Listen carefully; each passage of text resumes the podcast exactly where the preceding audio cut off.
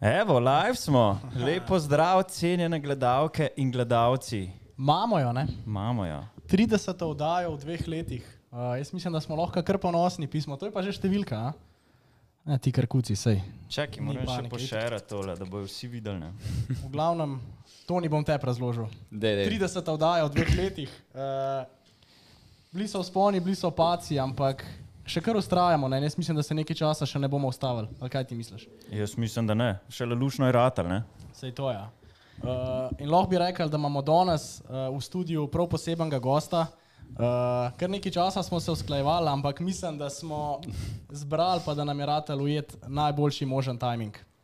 Ja, jaz tudi mislim, ja. da je brez kakršnih ko- koli dvomov lahko trdimo, no, da je to eden izmed najbolj vsestranskih voznikov off-roada v Sloveniji.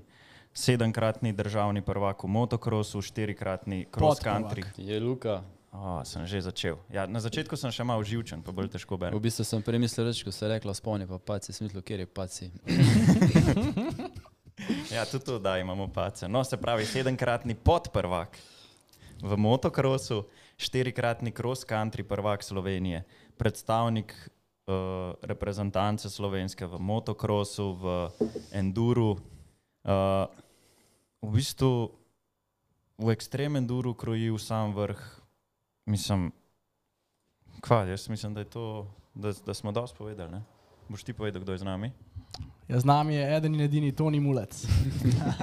To ni živja.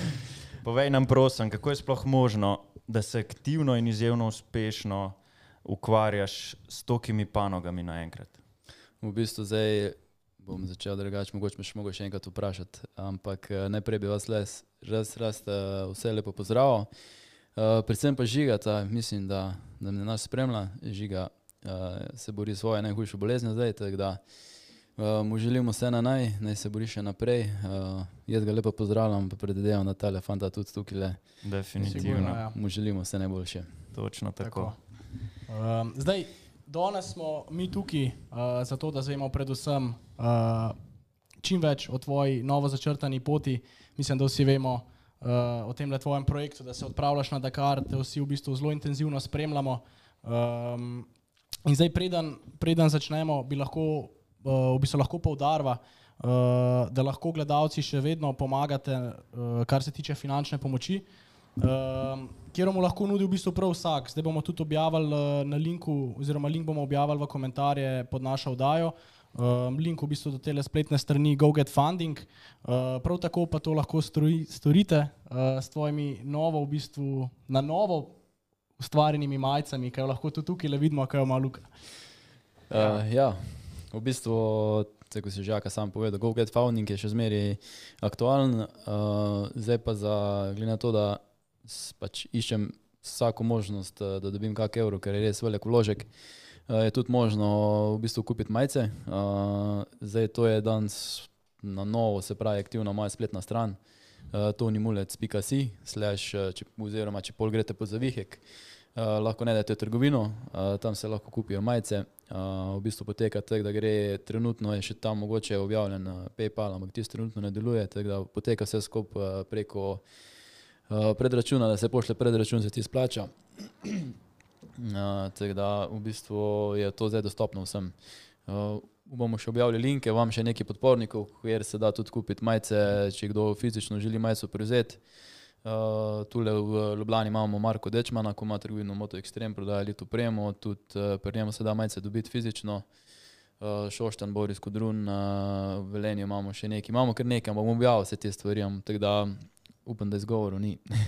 Se pravi, imamo pa vse, ne? moške, ženske, otroške. Ja, točno to. Točno Uh, so otroške od 3 let do 10 let, pol zitek, že moški pridejo, uh, mlaj- manjše, Eh, Luka ima zdaj malo več, ajde ti. Ja, ampak zaradi sem že trebuha. malo večji moški. Ne? Točno tako.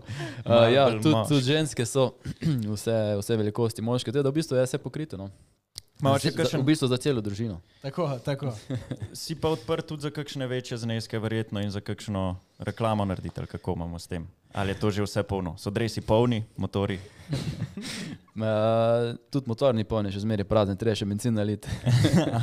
Ampak ja, uh, prostora je še ogromno motorjev, veliki sponzorji, za velike sponzorje je še zmeraj prostor. eh, Bolj malo je zapos- za- zasedenega tega prostora, tega da paketi so še na razpolago, eh, pač odvisno od paketa, od vložka, ampak eh, se da se še zrihtati, eh, se pravi, z določenimi promocijami. Ne- Največkrat promovamo poslušati sponzorja, kak ima tudi on želje. No, da odvisno, nekdo želi, da se logotip promovira, nekdo želi, da se njegova dejavnost promovira, nekdo želi, da pomagaš pri kakšnem poslu, kakšne stvari zrihtati. Da sem odprt za vse stvari. No. Razumem sponzorje, zato ker tudi sam delam, pa vem, kako težko je denar zaslužiti. Uh, tako da sem čist prilagodljiv glede tega, tako da še zmeraj so dobrodošli vsi, veliki in majhni. No, evo, zdaj Super. ste slišali, tako da komod kontaktirate Tonija na vseh medijskih platformah, lahko najdete na njegovi strani maile, številke, lahko nam napišete, vas bomo naprej poslali, kakorkoli, v glavnem, sem da Tonija spravimo čim lažje na Dakarne. Tako. Ampak, preden začnemo, ne? Preden gremo pa zdaj točno na Dakar, pa mogoče mene tukaj samo še to zanima. Uh, vsi smo potih, pa bolj upali, ne, da bi mogoče pa ti enkrat uh, vendarle odšel na Dakar, pa me sam zanima, kako so ljudje sprejeli, kako je to množica sprejela, ker meni se zdi, da je bilo to bum. Ker si v bistvu naznanil, da ti odhajaš letos na Dakar, se mi zdi, da je bilo cela motoscena v bistvu v Sloveniji, da je bilo noro, oziroma da se je samo o tem govorilo. No. Ja, v bistvu je res. Ja. Nekaj cajt sem se že odločil za te stvari, um, nekaj projektov sem še imel za speljati, ampak na koncu sem se le odločil, zdaj, glede na vse situacije. Um, pa moram reči, da v bistvu pač vse že vemo, da Slovenci pa tudi nasploh smo tak narod, ko radi skupaj stopimo, pomagamo en drugmu. Um, ampak da bo pa tako odziv, pa mogoče nisem predstavljal. No, da, kar, tist, kar se tiče tega Maroka, pred dirke, oziroma klopsijske dirke, ki sem jih že odpeljal, pa že prej, je bilo ogromno podpore, ogromno delitev objav. Zdaj se pa sam še to stopnjuje, zdaj že tudi na ulici kdo tekle kaj pove, ko pri tega ni bilo, tako da tudi med športniki. Sicer zdaj na dirke nisem veliko hodil, no, ker nisem imel cajta, to ta video bolj vedela. Ampak je čutiti, je čutiti uh, to prisotnost drugih in uh, sem full hvaležen za te stvari. Ja, tudi na tekmah bi jaz lahko rekel, da velikrat je na letu pogovor na to, pa na koncu smo vsi se strinjali s tem, da če bi koga radi trenutno v tem trenutku poslali na Dakar, pa da lahko res največ naredi, jaz mislim, da, je, da si to Tino. Tako da ja, smo bili zaradi tega še bolj veseli. No, da, Hvala, hvala. Točno to je. Pa da ne bomo zdaj preveč o Dakarju, imamo itak pol na konče prav uh, za to zdaj je treba temo. Tonija spoznati. ne? Tako, tako. Dajmo najprej mal Od začetka. spoznati Tonija od začetka. V bistvu, daj nam ti najprej opiš, kakšen si bil ti kot otrok. Kakšen je bil Toni kot otrok? Ali pa kako bi te tvoja starša opisala? Ajde. Fuh, kaj pa jaz vem. najmlajših letih. Uh, ja, najmlajših letih, po mojem, da sem se že od samega, mislim, od mladosti, vem, sem se full rad ukvarjal s športom. No. Uh, sem bil čist, v bistvu čist kontra mojemu bratu. Jaz sem zmeri, ko smo šli v šolo na igrišču, smo zmeri, pač bil full vesel, če la grem nabijati žogo, košarko, nogomet, karkoli. Ja, čakaj, Ja. vprosti, samo včeraj se ni videl, da si prav veliko šarka Ja, ja, košarke ni bilo dosti. Ne, pa se nisem to mislil. ne. Igral si Igral, rad, igral sem full rad. Srce sem imel, ampak nisem bil pa koristen. zato, sem, okej. a veš, zato pa po mojem noben mi ni hotel imeti ekipi. Ja, ti si unka laufa, ne? tako, tako. Za- Tako da, ja, glede tega, pa ja, bil sem tak, že športnik. Z malih nog. Ja, ne talentiran, ampak.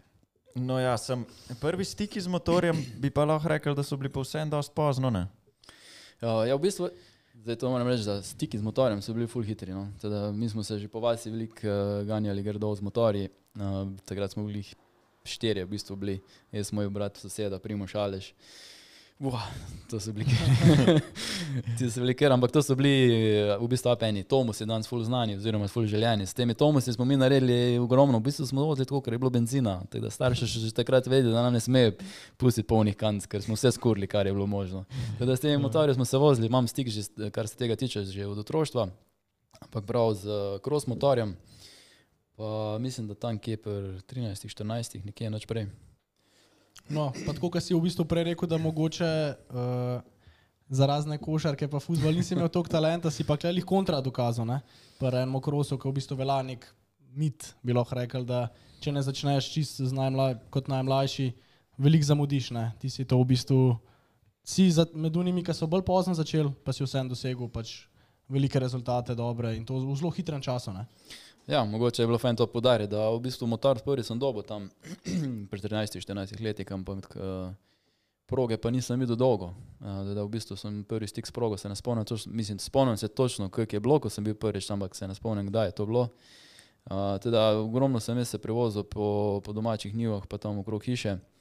Uh, da tudi v bistvu, ko sem prvi zavil na progo, mi je bilo, ni bilo prav veliko teh vožnje po progi, pa pol sem tudi za neki svet, da sem se malo omaknil, zaradi vseh ostalih dogodkov, ki so dogajali takrat, uh, pa sem se pol vrnil nazaj, pa takrat začel malo bolj, če lahko rečem, resno trenirati, da v bistvu sem se začel malo več voziti po progi, ni bilo to pravih treningov, se pravi, da ni bilo, in sem šel na, na progo, sem se šel voziti, da šel voziti. Ja, ja, Točno ja, to. Ja, ja. Tako da to je trajalo, pa tudi fulogo. No. Uh, ampak pol, uh, pol pa enkrat, ko me je potegnalo, v bistvu me je že kar prva tekma potegnala. No, Od takrat naprej pa. Se spomniš, kje je bil ta prvi motor? Hvala, da se ga spomnim. Kjer je bil? še prvo spomnim se, ko je takrat še ni hotel kupiti mi motor, mislim, no, pač nisem ga dobo. Nisem si ga zaslužil. Po mojem, da je res, ja. da se prav spomnim, da sem te motorje poslala mono v glasnike, še bil takrat. Videla se tega ne spomnite, videla se še premlada.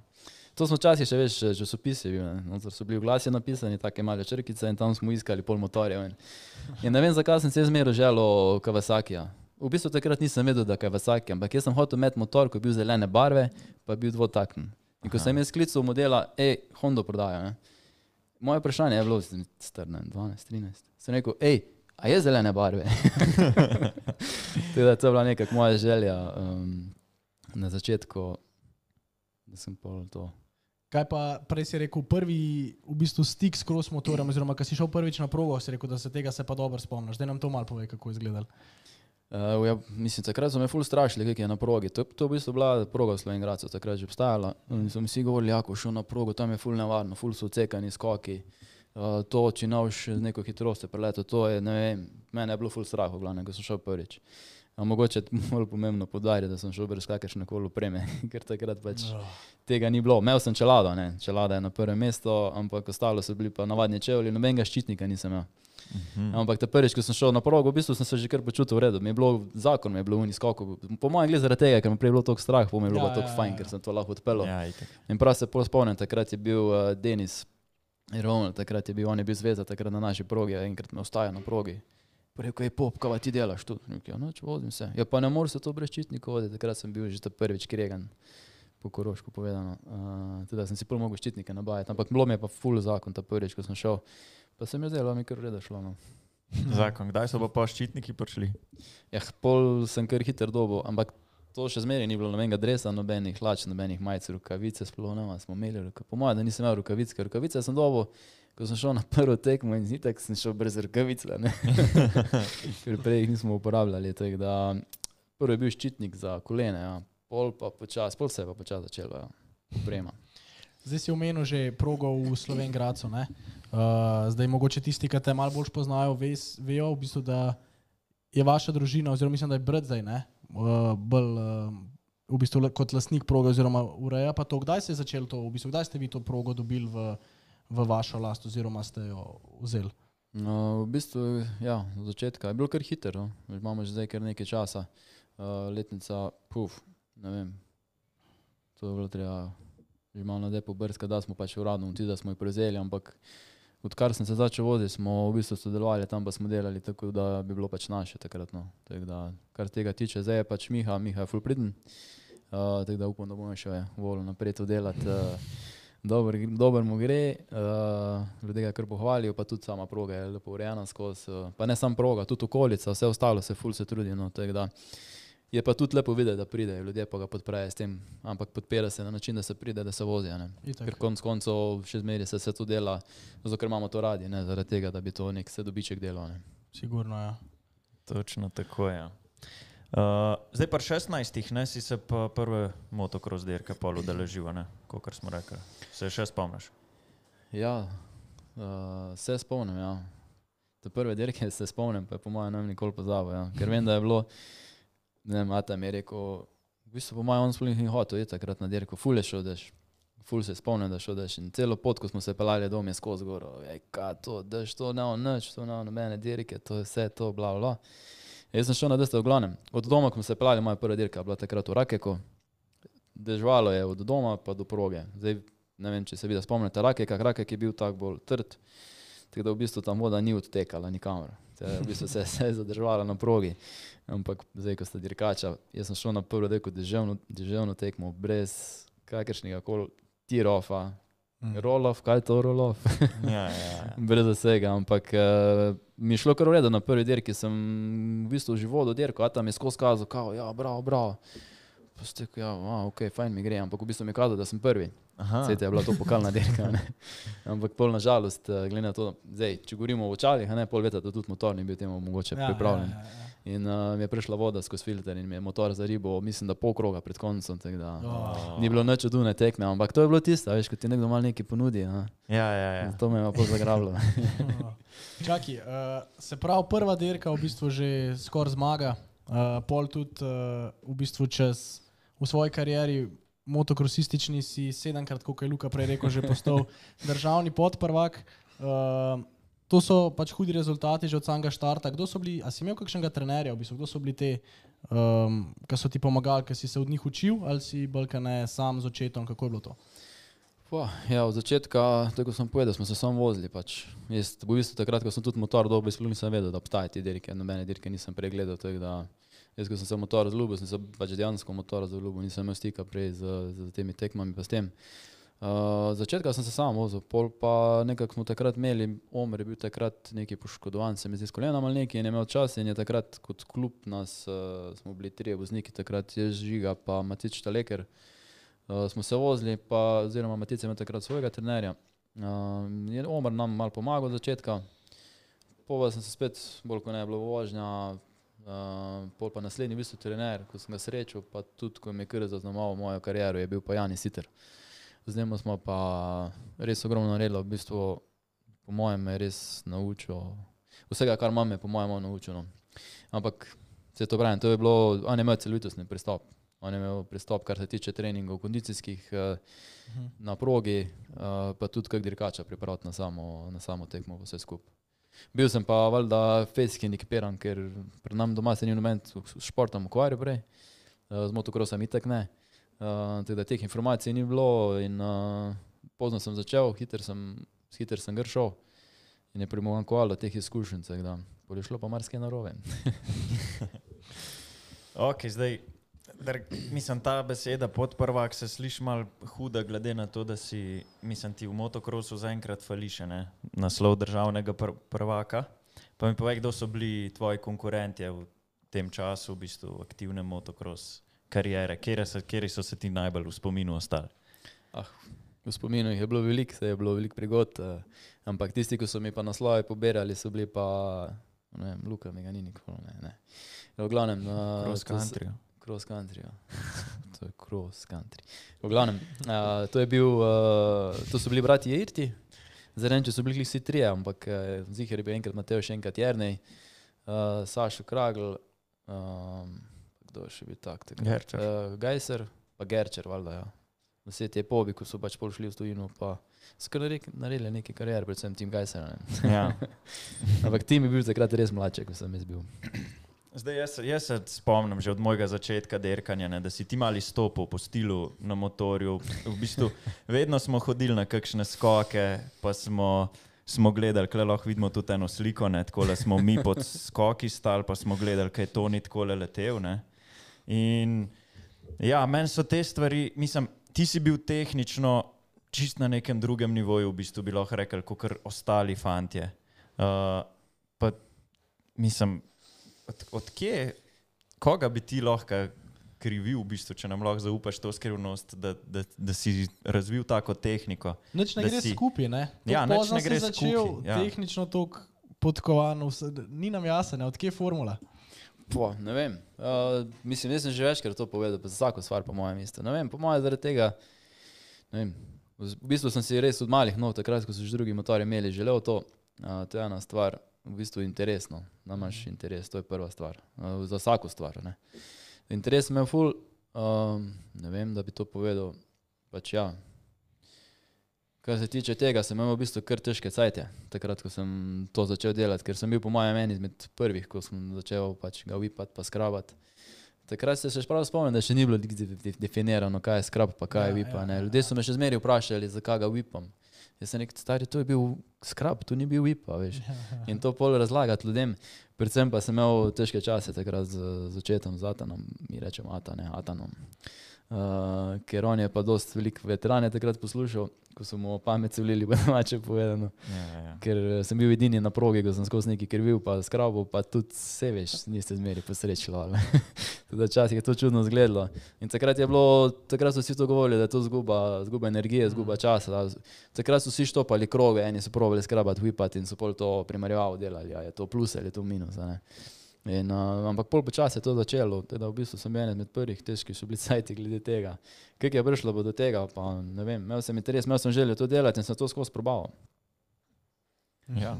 In ti je šlo dobro, Ja, ja, se pa ratalo je. spomnim, ja, da, da pogovarjali so se tam v boksu, ja, je, lej, to sem moč troši, ne veš, ko gre to ene moči, da ga on po stran vrže, sem zato, da dobro zgledam, pa nam se tek zakon zdelne. Ja, In jaz- pol so prišli še posnetki od Stewarta, pa od vsega, ne, in smo rekli, lej, pač ne dela nič narobe, zdaj če ta to dela, pol, je že nekaj na tem. je ne. že nekaj na tem, ne. Ja, jaz se drugače isto spomnim, uh, ker sem jaz lih dobro začel.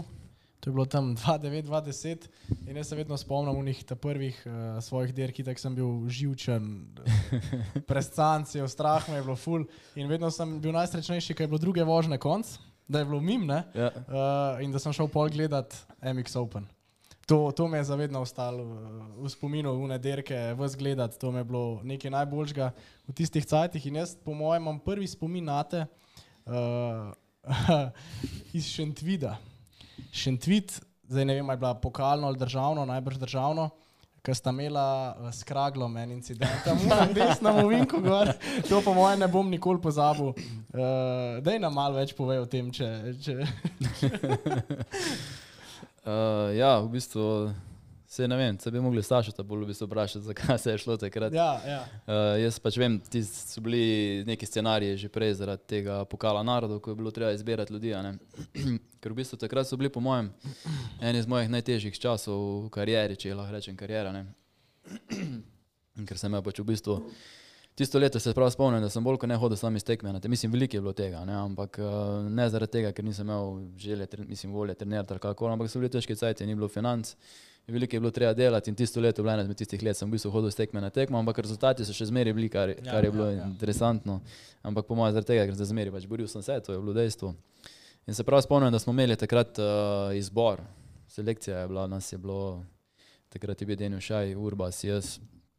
To se spomnim, mi smo bili takrat v izboru, kdo bo šel na tekmo, ali ne, in smo imeli trening, rekel, asi takrat je Saša to nekako rekel, da bo organiziral, pa da bo na treningu izbral uh, primernega dirkača za, za, na, za na pokal narodov. Jaz se pa spomnim, da sem takrat prišel direkt iz dela. Nisem cel dan se spomnim, da sem bil full, mislim, lačen sem bil, itek sem skozi lačen. Ja, ja. Da takrat vem, da nisem jedel, nisem pil nič. in Sem prejšnji čas rekel, le danes lahko v bistvu jaz sam se vozim, to jaz nisem pripravljen dan za trening. Ne. Pač nisem profesionalc, jaz lahko prijem, da tule odvozim, zdaj sam, če boste tu izbirali eh, voznika, sem zihar avto. Pa se prav spomnim, da tudi motor ni bil pripravljen, eh, ker sem ga sem naložil, pa sem šel, še vem, da se mi je ketna strgala, takrat mi je Željko pomagal tudi, eh, da smo ketno zamenjali. Tako da na tistem treningu sem bil najslabši od vseh. In po mojem so že malo odpisali, no, če me vprašaš. Uh, Pol je bila pa tekmo še in videl. Sam je bil što s tem, da je bila sobota vmes. Jaz sem se soboto naspal, pa najedel. In sem pol v bistvu v nedeljo, sem res imel dober, eh, dober štart, eh, sem dober vozil. Pa vem, da sem Saša tu skakal v, eh, v Ritsko, ampak je imel on čist drug stil vožnje kot pa jaz. In, uh, njegov stil mi ni šel, nismo, nismo šla skupaj in vsak vinek, se, on se v bistvu ful prepel v vinek, zaostaja pa šel ven. In vem, da sem se mu parkrat skoraj urit za leto že prej, ker jaz sem pa pač pol proval nekako hitrost nositi skozi ovinke. Teda smo imeli že prej nekih teh prehitevanj, parkrat sem mu nakazal, da ga bom prehitil, uh, pol pa se spomnim, da mi je en hud blok pes dal. In mislim, da takrat je on pričakoval, da bom jaz padel, no? da me ne bo več. Ampak nažalost sem se tudi takrat rešil in uh, v naslednjem ovinku se prav spomnim, da je, se, se ve, kje je to bilo. Se vidi, videl sem, da se je sprostil, ni vedel, da, bo, da, da sem jaz po mojem na kolesah še, ampak Ja, jaz sem bil ja. za njemu. In on si takrat tu vinek odprl, pa je pol hotel na notor odpeljati, jaz sem pa že prej imel scenarij v glavi, ki ga bom prehitel in sem v bistvu poskakal, ko sem pristal, sem dal full gas na notranji vinek, uh, um, hitrost je bila, ko je Sašo obrnil, sem bil jaz tam. in v bistvu smo se zaleteli takrat in se spomnim, da pač jaz takrat sploh nisem neki tek, pač je bil ni nek blok pes. Uh, vem, da sem pobral motor, da sem hotel iti naprej, ampak Sašo se je takrat, takrat, uh, takrat odločil, pa malo, zdaj ne vem.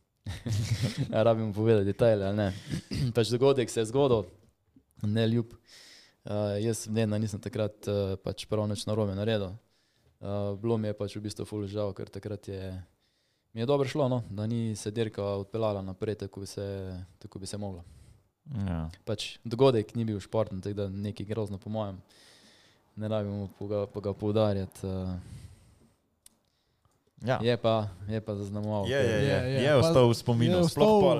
Pa za gledalce mislim, da je bilo to res tak ta prav dvoboj, niti ne sam ta incident, ampak Ne, vem, da je bila cela, dirka. cela dirka je bila zanimiva za gledati. Mislim, da ne vem, mogoče je tudi zdaj tako, uh, da si jaz še mal prirejam to zgodbo v glavi, ampak spomnim se pol tudi, koliko je bilo ljudi, kakšno je bilo to vzdušje. Mislim, da tega nikoli ni, ni bilo več. Da, da Ja. smo daleč od tega, da vsak let smo dle. Uh, takrat se pa res spomnim, tisti, ki sem sam rekel, wow, kaj bi jaz se dal, da bi bil enkrat, da bi se znal tako pela, da bi to, kar ljudi mene enkrat gledali. To, to mi je ostalo v glavi in to mi je Ja. res uh, zakon. Ja. Vse vem, da se vaja nadaja, imenuje brez bremsa, ampak ne želim to preveč komentirati. Eh, Vse, kar bom rekel, po mojem, je bilo to, da tisti ti sam dogodek, ko je bil Šintvit, mislim, v Orihovi vasi, takrat, ko smo imeli predizbor, je malo že vplival na te stvari. ne. Po mojem, nisem bil takrat med uh, izbranci, po mojem so, pač, se je nekako iskalo nekaj, kar bi me udaljilo od Ja, tega. ja, ja, ja. Ampak jaz sem pol, tisti dan je bil moj dan, jaz sem se dobro počutil na motorju. Po mojem sem se dobro počutil glih zaradi tega, ker sem tisti motor je imel res ogromno ur, ampak glih takrat smo z Marko Dečmanom naredili servis pred to tekmo in se mi je zdelo, da imam raketo pod sabo. Glavno delalo vse, sem imel dober dan, Saša bo mogoče slabno. Kaj, No. pa, kaj pa tujina? V bistvu pol, zelo malo si ti se tudi malo delil, mislim, oddalil. Že v štartu si veliko hodil v tujino, sploh Avstrija, pa mislim tudi Evropsko prvenstvo si pa začel voziti. Kdaj, kdaj je bil ta preskok? V bistvu sem kar hitro začel ven hoditi. Uh, na evropske sem hodil, prvo so bile v bistvu pol evropske dirke, ko sem jih, oziroma takrat je bil še Saluti Italija, takrat uh, smo tja hodili dirkat tistem uh, pretekmovalnem obdobju, pol pa sem kar hitro pa začel probavati z evropskim prvenstvom, pa valjda se je zatikalo malo s financami. Um, dirke so bile evropske, so bile vse, vse zmeri bolj oddaljene. Um, teda sem pol se nekako znašel v Avstriji, da sem začel njihovo avstrijsko prvenstvo dirkati. V bistvu je bilo takrat dostopno, za mene je bilo blizu. Um, konkurenca je bila močna takrat, uh, pa valjda smo vsi evre videli, ne? Mhm. oziroma ja, evre. Tako da v bistvu tudi to je bilo tisto, ko me je pol pritegnilo, da sem šel v Avstrijo tekmovati in sem pol kar nekaj let uh, gre tudi vozil, ker je bilo tudi mogoče malo lažje, oziroma lažje upal sem, da bom dobil nekaj, no, ampak sem zmeri bil mogoče v, na napačno znamko usmerjen, pa še zmeri pač za Avstrice, no, še zmeri Balkanci. Ne? Ja, zmeri bomo, ne? Tako da zmeri je imel Avstric prednost pred mano. Ja. Definitivno. No, tukaj pa seveda ne smemo pozabiti tudi to, da si bil leta 2011 del slovenske reprezentance v Motocross of Nation v Franciji, ne? kjer ste pa v B-finalu zasedli četrto mesto. To je verjetno tudi kar en lep spomin ostal. a? V bistvu ja. Se to je bilo v isto leto, takrat, ko se je ta incident zgodil. Teda, to je bilo Aha. kar. V bistvu je bil tudi tam motor, res vem, da sem bil takrat na, na Racer X-u dali moje prikolce po moj motor. Pa spod je pisalo, najmanjša prikolca, najmanjša motor prikolca na svetu. Tako da, to je bil kar podvig za mene. Vala, jaz takrat nisem, imel, nisem bil pripravljen za te stvari. Motor je bil, eh, tako sem že povedal, predtem je imel motor že 200 ur, imel sem samo en motor. Takrat se mi zdelo, da sem celo imel enega pa pol, ker dva nista bila nikoli, ko smo skozi neki kombinirali. Pač ni bilo financ, ni bilo, ni bilo, nisem bil pripravljen za te stvari. Ampak v bistvu je bilo, jaz sem si ful želel, no, da bi šel tja na tekmo, da bi užival, da bi se fajn imel, da bi dobro odpeljal, da bi naredil dober rezultat za Slovenijo. Ampak um, ni šlo takrat, vem, da je bilo tudi uh, kar velik držav, blato je bilo na kvalifikacijah.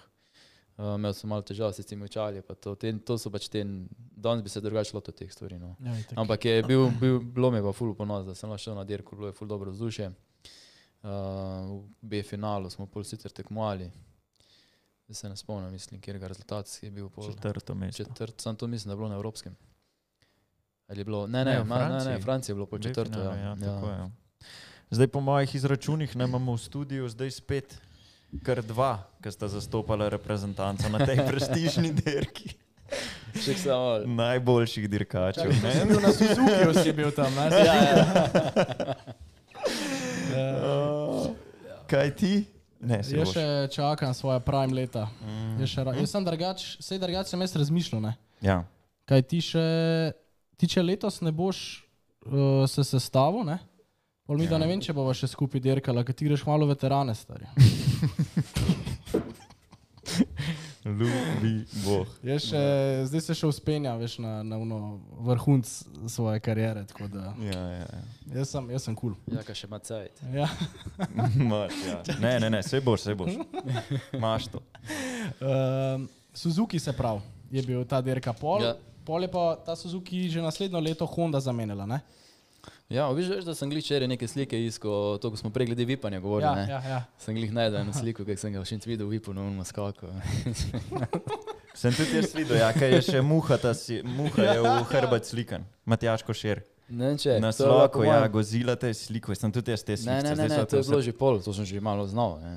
To je bilo po mojem me- moje prvo leto, ko sem že bil v Šencvidu. A ja, že Ja, takrat. uf, to je bilo. Tako da v bistvu sem glih te slike včeraj gledal in sem prišel spet na te slike Suzuki. Ja. ja. In sem pol v bistvu ugotovil, da sem se v bistvu sem se na Suzuki ful dobro počutil takrat. Po mojem, res je bilo to. Tudi Vse še zdaj po- isti. Ja. Nazaj. Se, če ti odkrito povem, imel sem možnost testirati Ja, ga nedolgo nazaj in uh, v bistvu je res dober motor. No? Res je lušno zavoziti, pa valjda mi je prednesel to nazaj, malo te spomine. Um, Pol je bila pa Honda, ker je hiter. Ja. V bistvu sem imel vsak, v bistvu sem vse motorje vozil v svoje kariere že, ampak Honda, Honda je bila pol naslednja. Uh, 250, uh, dva auspuha, a Krapovič me je takrat upremo, sicer ne glih to prvo leto, ampak malo kasneje se mi zdi. ja. Se se vidi, tudi po mojem ne spomnite, smo imeli pa čist karbonske auspuhe, Ja. ki je bil cel karbonski. ni Ja, bilo A sta bila dva, Dva, dva, čist karbonska, no, to je bilo. Zakon. rdeča nalepka. Pfua, Ja, ja, ja. to je bilo pa dobro za pogled. Ja. Une Honda, ja, so bile zanimive, ne? Ja, ja. S tistim dvemi auspuhi. Kar nekaj denarja tu šlo takrat. Ja. Uh, no, zdaj pa ni pa skrivnost, da si v bistvu s pre, prestopom na oranžen motor, pol kasneje, uh, si se pa hitro v bistvu probo tudi v vlogi tesnega voznika. Ne? In lahko bi rekel, da, je, da si svoj hobi združil s poklicom na nek način. a Ne? Dej povej nam malo zadje, kako je, kako je s tem, kako si prišel se pravi, do tega tesnega voznika, da si postal. ja, v bistvu sem bil kar dolgo na Hondi. Takrat, uh, mogoče sem celo šel še na Suzuki vmes, tako je bilo. Mislim, Mislim, sem da ja. šel na Suzuki nazaj.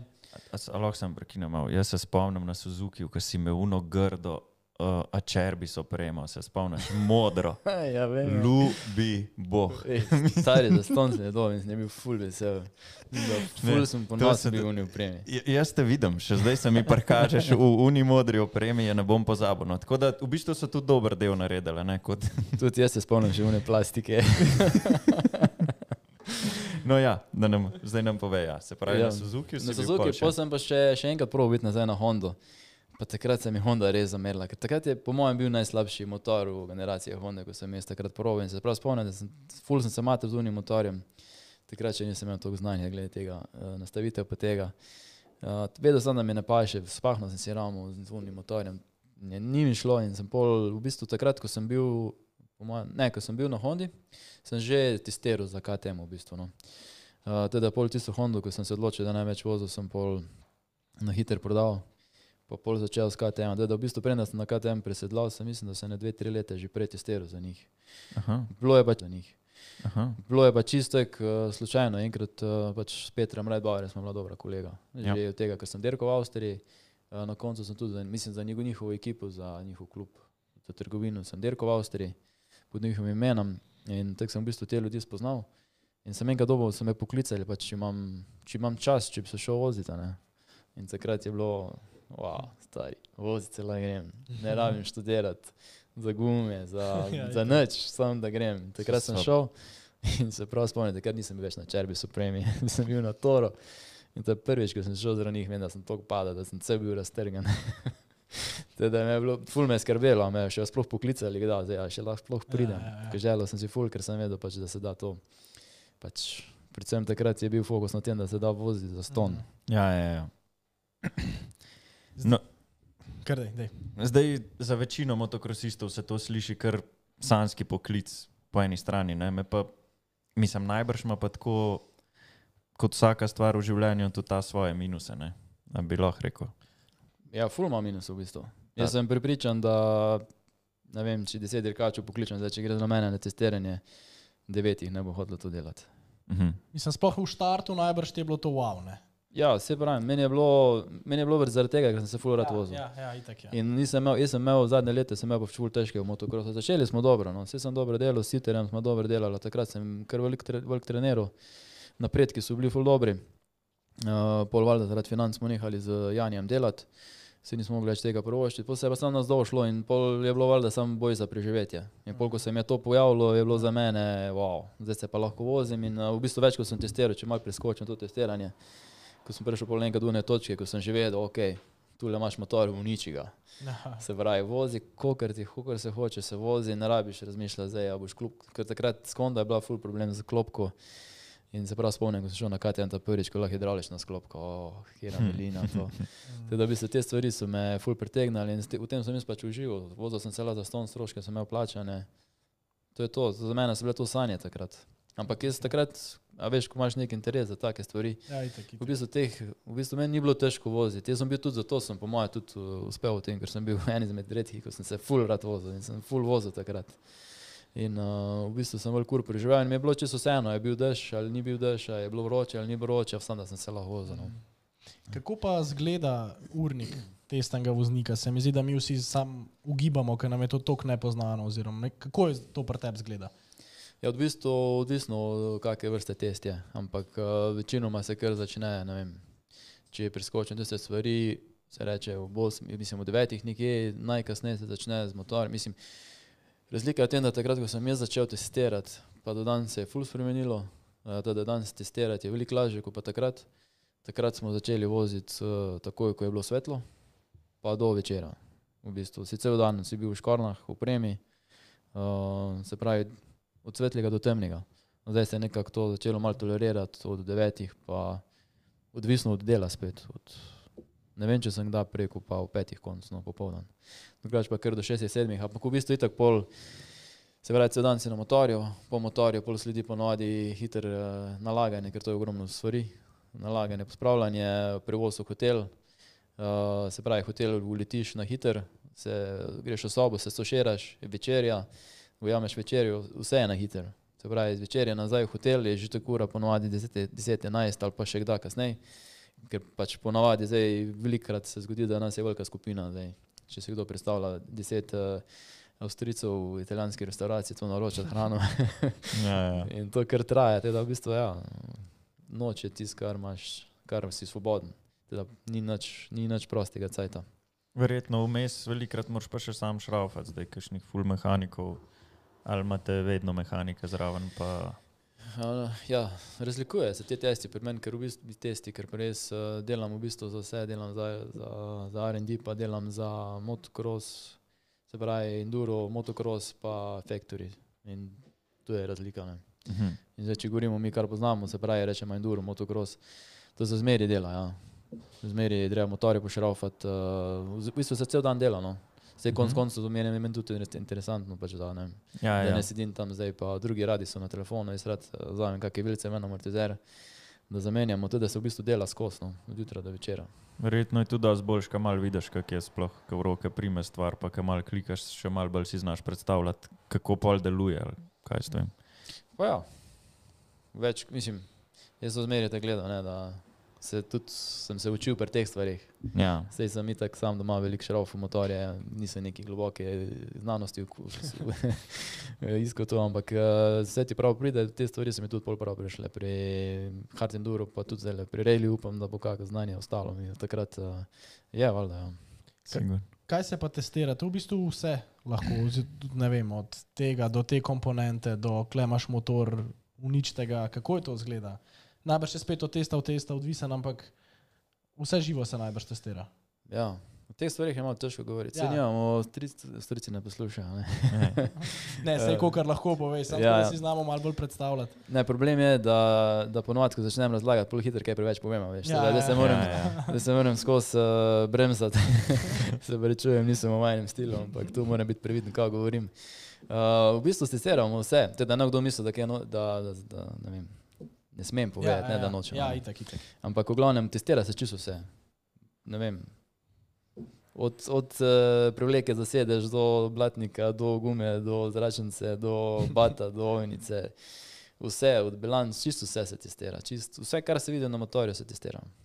Pa tudi za factory program si rekel, da, da testiraš. Uh, Te- testiram za Factory tudi, ja, ampak uh, ja, bom sam rekel, Ok. okay. testiram, testiram za njih, tam so pač eh, malo drugačni pristopi, uh, tam pa moram biti kar, ja. tam sem pa že kak papir podpisal. No. Zmerno, gremo zdaj, naprej. zdaj, ja. zdaj v bistvu izberam, izberam finance za Dakara, ne, Ja, ja, ne bi jih ja. razgubil. Okay, se pravi, si pa na ta račun, sploh glede na to, da tudi za Factory testiraš, spoznal veliko novih prijateljev, v bistvu si dubu, pa tudi spoznal ljudi, ki so v samem vrhu off-road motošporta, bi lahko rekel. Ne? Pa tudi ja. to Ja. je en plus. Ja, valjda, ja. Ne, to je, ne vem, mogoče če lahko rečem vrhunec, vrhunec karijere, tesna karijere, je pač valjda to, da dela za Factory ekipo. Uh, pač v bistvu više se ne da iti. Ne. Ja. Uh, tako da ja, s tem tudi spoznaš, mislim, tudi ko delam za motocross, ko delam za enduro, ko delam za Krapovič, ko delam za njih, to so smeram novi ljudje, uh, nove stvari se, se delajo, se, se odvijajo. Uh, s tem sem tudi poznal pač čisto druge ljudi, drug, druga zvrst tekmovalcev, pač valjda same super zvezdnike, ko pač moraš z njimi delati. Um, pa zdaj ne vem, z njimi delati, uh, bi mogel nekako to razložiti, ampak ni lahko, fulje težko. no. Ja. Ful je težko, ampak ja, poznal sem pa vse te voznike. Uh, pač po mojem upam, da mi bo tudi malo pomoč, to, da vidiš, kako razmišljajo, kako delajo, kako imajo pristop. Uh, ogromno se naučiš. No. A pa bi, mene sem zanima to, a bi lahko rekel, da ne vem, te, ki so super zvezdniki, če kakšnega vzameš, a oni zmer si znajo sami ful dober motor nastaviti, recimo imajo tak feeling, kot ti, pa občutek za vsako stvar, ker sem bil že parkrat s tabo na treningu, pa vem, kako ti čukataš vsak klik, pa koliko je ketna našponana, pa vse ne. A bi lahko za njih isto rekel, ali so oni bolj taki, da jim moraš nastaviti, pa pripraviti vse, pa da se pa pele, kako je s tem, ali karkoli da pod sebe se bo pelil, kako je s tem, ko kar lahko poveš. Ja. glih to, ja. V bistvu smo glih prej rekli, da sem jih spoznal, da se kar dobro razumem z njimi. Okay. Tako da po mojem sem že odgovoril. Um, ja, je kar delikatna zadeva, moš kar. Aha. Mora Je. biti človek za to. Ja, mislim, to je kar ena taka malo večja debata, ampak itak. ja, zdaj tisti, ki malo, ve- malo več spremljajo, oziroma tak jih, bo, jih bom drugače predstavil. Uh, jaz jih v bistvu razumem, no, ker tudi to imam, ker rad delam na tem, da probujem razumeti uh, tekmovalce, ker pač v, kot tesni vodnik se moraš meri, v, se moraš nekako podati v vlogo, zdaj odvisno za kaj delaš spet, ne. Uh, mogoče je bilo lažje enega za enim metim intervju, ko dela samo enduro ali pa samo motocross. Ampak jaz moram biti, naprimer, če delam za standard motor, se moram postaviti v vlogo enega hobi voznika, Mhm. enega, ko je prvič na motorju, enega, ko že ima malo izkušenj, pol enega dobrega tekmovalca, pa pol moraš spet uh, se nekako postaviti v vlogo enega hudega trikača. a Ne? Ja, itek, ja. In tu je zdaj, naprimer, pri, če, če gremo nazaj za Factory, je pač ta problem, da se pač moraš ti dati v vlogo enega tekmovalca in jaz jih v bistvu glih iz tega, raz- iz tega vidika jih razumem. Zato, ker vem, kaj je, ko si enkrat tekmovalec, je tvoj fokus druge. Se pravi, tvoj fokus ni tak na motorju, kot pa, ko pa je naprimer moj. ja, ja. Jaz imam te težave, da sem na vsak motor, ko se sedem, noben mi ga noče da zapeljati, ker zmeri, ko prijem, da začne naštevati to, to, to, to. Ja, Ne? In uh, v bistvu ti kot tekmovalec se pač tudi sam se polles provam, ko tekmujem, se zmeri provam uh, na treningih, težko to naredim, ampak na tekmah pa se podam polo vlogo tekmovalca in pozabiš na določene stvari in sploh nisi fokusiran na neke stvari. In zdaj, naprimer, en efektor voznik, njemu je fokus biti hiter, uh, zdaj sploh, če, imamo, če govorimo pa še o reliju, je še njegov fokus tudi na navigaciji, ne samo na vožnji. In v bistvu oni sploh določenih stvari, sploh nis, ne, ne, ne polagajo pažnje na te stvari. Ja, In v ja, bistvu je iz tega vidika je težko delati, ne? ker res vem, da un, če mu jaz nekaj dam tam za probat, on mogoče o tem sploh ne bo razmišljal, ker njemu je pomen, da gre hiter. Ja, ja, ja. In če ga bo ena luknja zahaklala, nek pa ga bo po strani vrgla, on ne bo krivil za to motor. Ampak bo rekel, manj boljš naredi, da bom drugič boljš, no, v tem smislu. Če si predstavljate približno. no. Ja, Si. meni je kar jasno. Ja. Uh, ok, dal ti je to sigurno eno širino pri poznanstvih ljudi, vse skupaj si pa na ta način v vlogi testnega voznika spoznal tudi ogromno novih prog. Ne? V bistvu bi lahko rekel kar po celem svetu. Ja, to je, to je en izmed, pre, izmed privilegijev. ne. Zmeri v bistvu neki debate začnemo, pa polno zaključimo. Tisto, Ja. kar smo prej govorili o tesnem vozniku, kdo ne bi, Ja. začel, ne bi želel delati, predvsem zaradi tega, ker moraš voziti to slabem, slabem vremenu, ali je to dež, ali je to sneg, ali je to minus, ali je to plus, ali je to 45 stopinj. Vse te stvari sem jaz dal čez. In uh, tu se pol ponavadi, predvsem pa biti se v danem v škornah pa na motorju. ne. Plus je pa valjda tudi to, kar smo zdaj povedali, ne, da sem imel možnost uh, obletati skoraj cel svet, uh, voziti motorje, v bistvu tam, ko sem ko pač kot dirkač, mogoče sam sanjaš, ampak to sem mogoče spet sam jaz sanjal. Uh, teda sem bil v bistvu posod, uh, imel sem enkrat priložnost, uh, to je bilo lani ali predlani, da smo že imeli liko. Ja. Ko sem bil v Dubaju, sem testiral za Factory ekipo, takrat reli motorje. Pa se prav spomnim, takrat vem, da tak- takrat je bilo tako vroče v Dubaju, mislim, da je bilo 45 stopinj ali nekaj takega. In se prav spomnim, da sem si telefon v motor noter, ko bi se mogel na navigacijo peljati nazaj uh, do, do, do garaže. Pa vem, da mi je po, ne vem, niti pet minut mi ni zdržal, ko je crknalo vse, ker je bilo tako vroče. Ko sem na asfalt zapeljal, to je bilo, ne vem, se mi je zdelo, da sem kar v savni.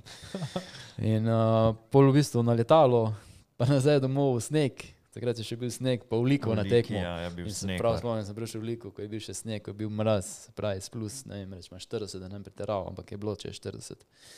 Na un sneg, mraz minus, oh, fuck. Se pravi, Brez brems. brez brez. no. Tako da tisti je bilo, ja, eh, to so te podvigi, ampak bil sem pa posod, koliko ne že v svetu. Ja. Ja, glede na to, no, kot si rekel, si različnih prog že vozil, kaj, katero bi pa lahko rekel, da ti je najljubša, pa s kater, na katero se vedno vrne z nasmehom? Po. V bistvu, bom, še kakšna taka. Lomel.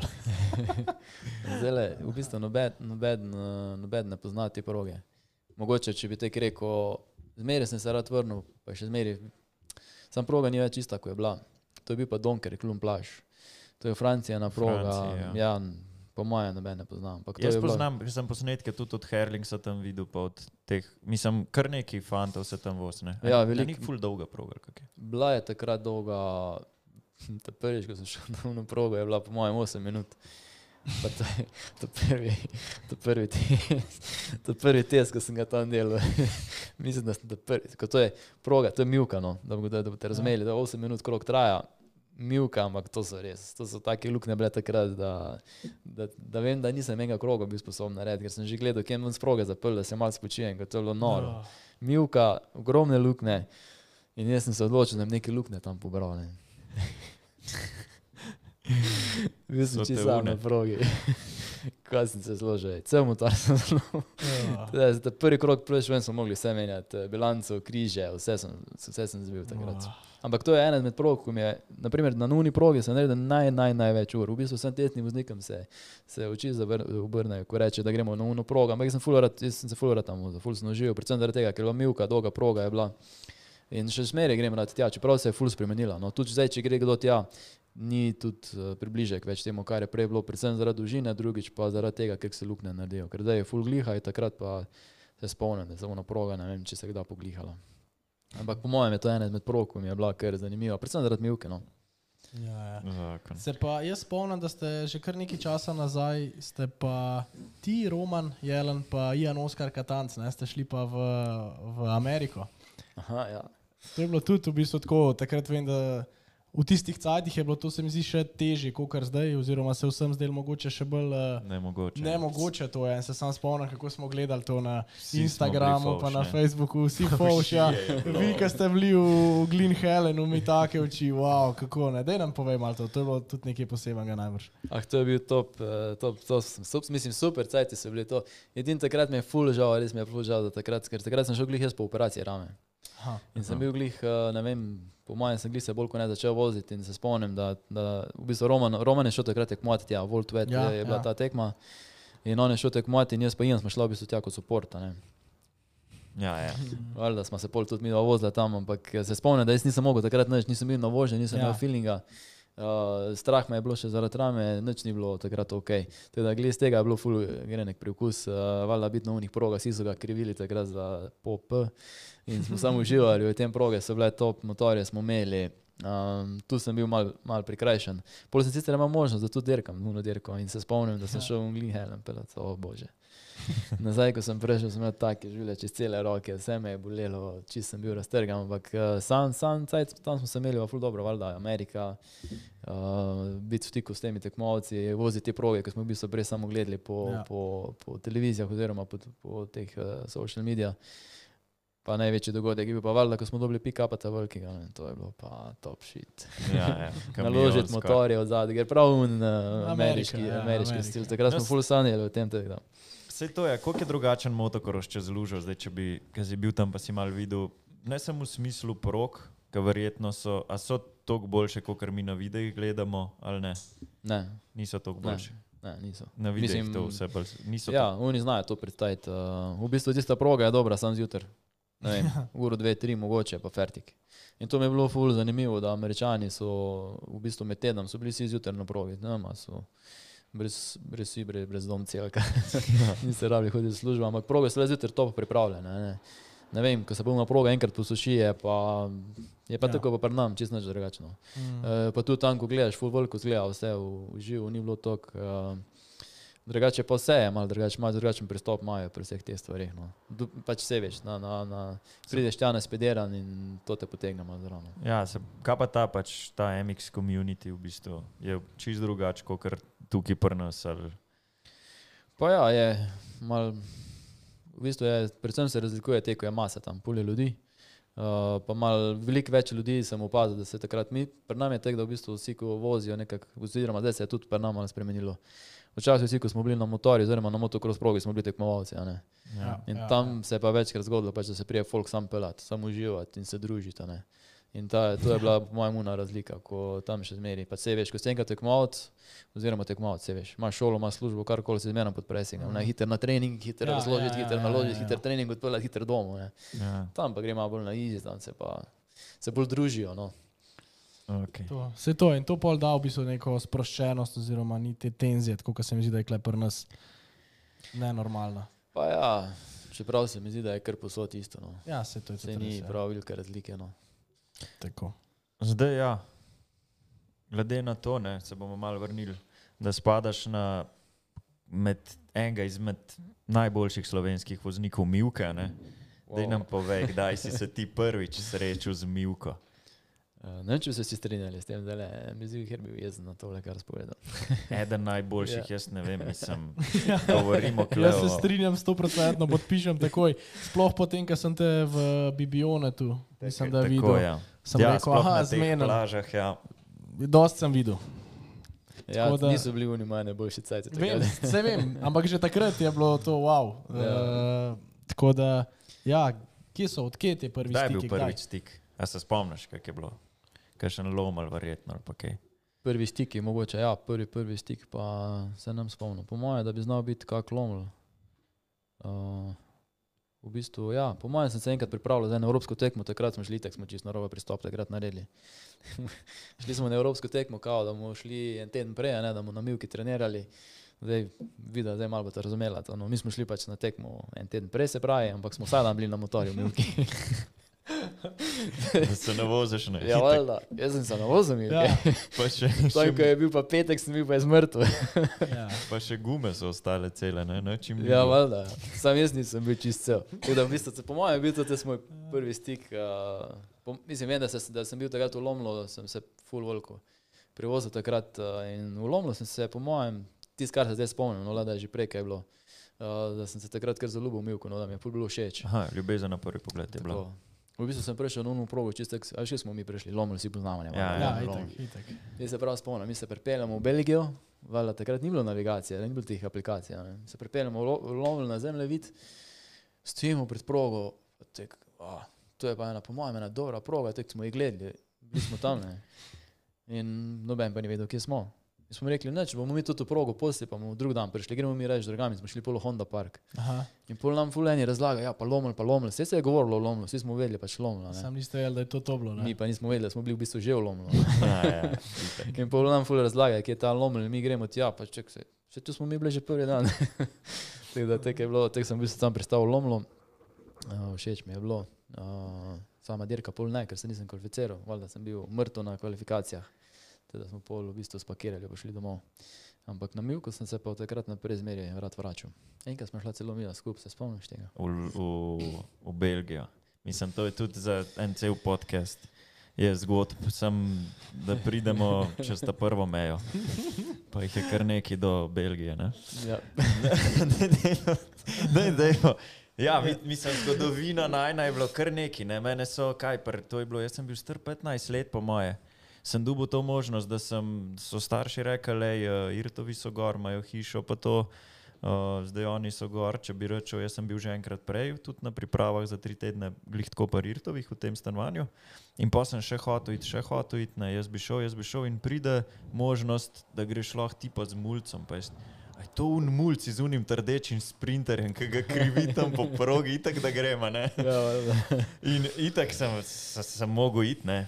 In ja, mene so starši v bistvu, hvala njim za te super odločitve njihove, ker meni je bilo zakon, so me poslali s tabo, ker smo se prvič videla, so me poslali na, v Belgijo na priprave najprej za Po moje, 14 veš dni, pa smo jih podaljšali še za en teden. tako, ja, en Po teden. mojem so se te sam hotel losati. Ali pa to, ja. Samo No, se, ja, dlje. sej nima veze, jaz sem jim ful hvaležen za to. No.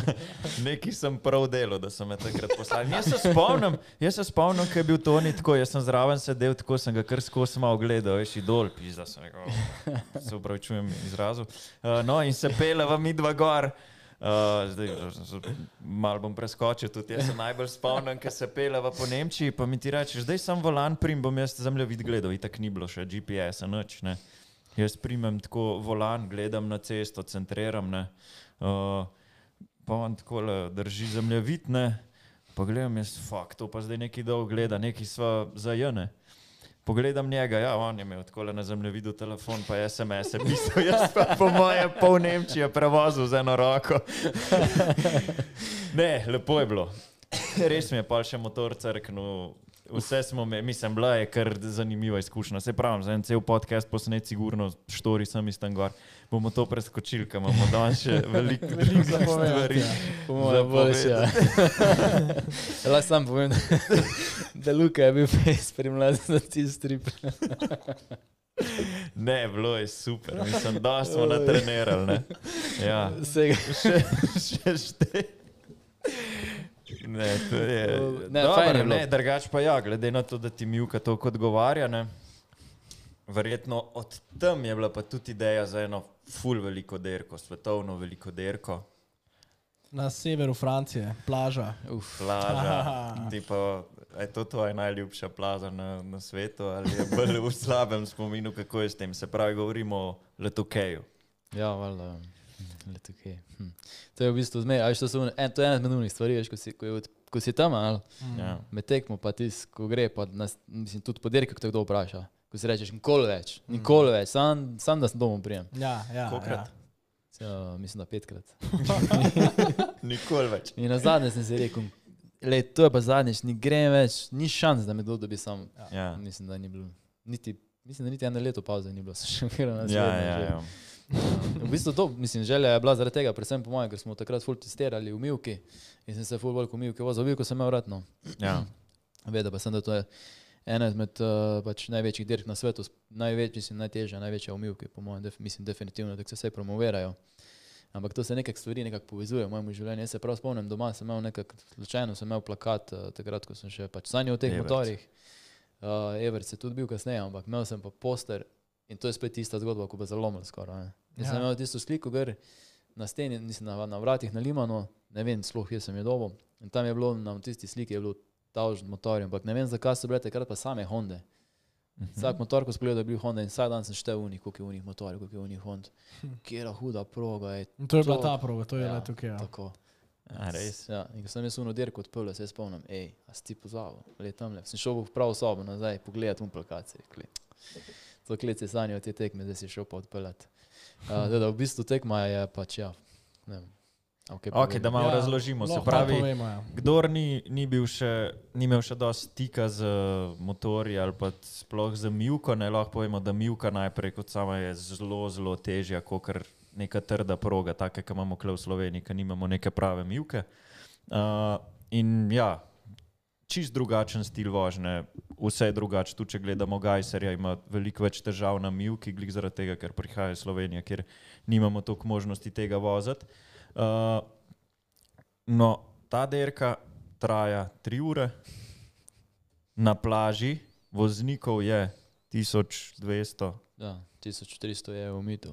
1300 Več jih omejitev. Ne sprejme, zaradi varnosti. Se pravi, proga se ekstremno uniči zaradi tega, ker je mivka. In uh, vmes je pa še 7 km ravnina, kjer pa dosežete kašne brzine. Ja, jaz nažalost ne vem, če sem sedaj več kot 160 pelov. ja, no, pač Ja, ja, oni ja. ja. se pelajo. Zdaj med samo dirko, valjda uh, hitrost opada, ampak uh, zaradi tega, se proga uničuje, Ja. Malo, mogoče malo tudi utrujeni ste, ne vem. Uh, ampak uh, po mojem, da rekord so imeli nekaj čez 180. Aha. Ampak vem, da sem bil zmeraj hendikepiran glede tega. To prvo leto sploh, ko ne vem, če sem se pel več kot 130, 140, ampak factory, mislim, factory vozniki, pač takrat oni, rečemo factory vozniki za to milko, oni so imeli brzino čez 170, kar po mojem redno vsako roko. Ampak to je, se pravi, to je ravnina je ob morju, tam, če ste bili že kdaj na plaži, ki je malo bolj trda mivka že, ne, tam, še voda malo pluska gor. In tam se da to hitreje pelati. Pol zraven tega, ki je pa una mivka od plaže, tam, ki se sončimo, ne, tam je pa malo bolj p. Ja, v bistvu se je tudi to, so se, se ful spremenja zadnje leta. No. Prvo leto, ko sem šel, je bila v bistvu proga odprta do plaže. Uh -huh. Pol pač to se dogaja v februarju, so zmeraj ekstremne razmere, tako da takrat se večkrat zgodi, da je ful slabo vreme. Oziroma, vem, da ko sem šel na prve dve, tri dirke, sem spraševal une tam na kvalifikacijah, ker po mojem zmeri domačine vprašaš, a ne kako Ja, bo vreme. ja, ja, ja. In je bilo ono, ej, kako bo vreme jutri.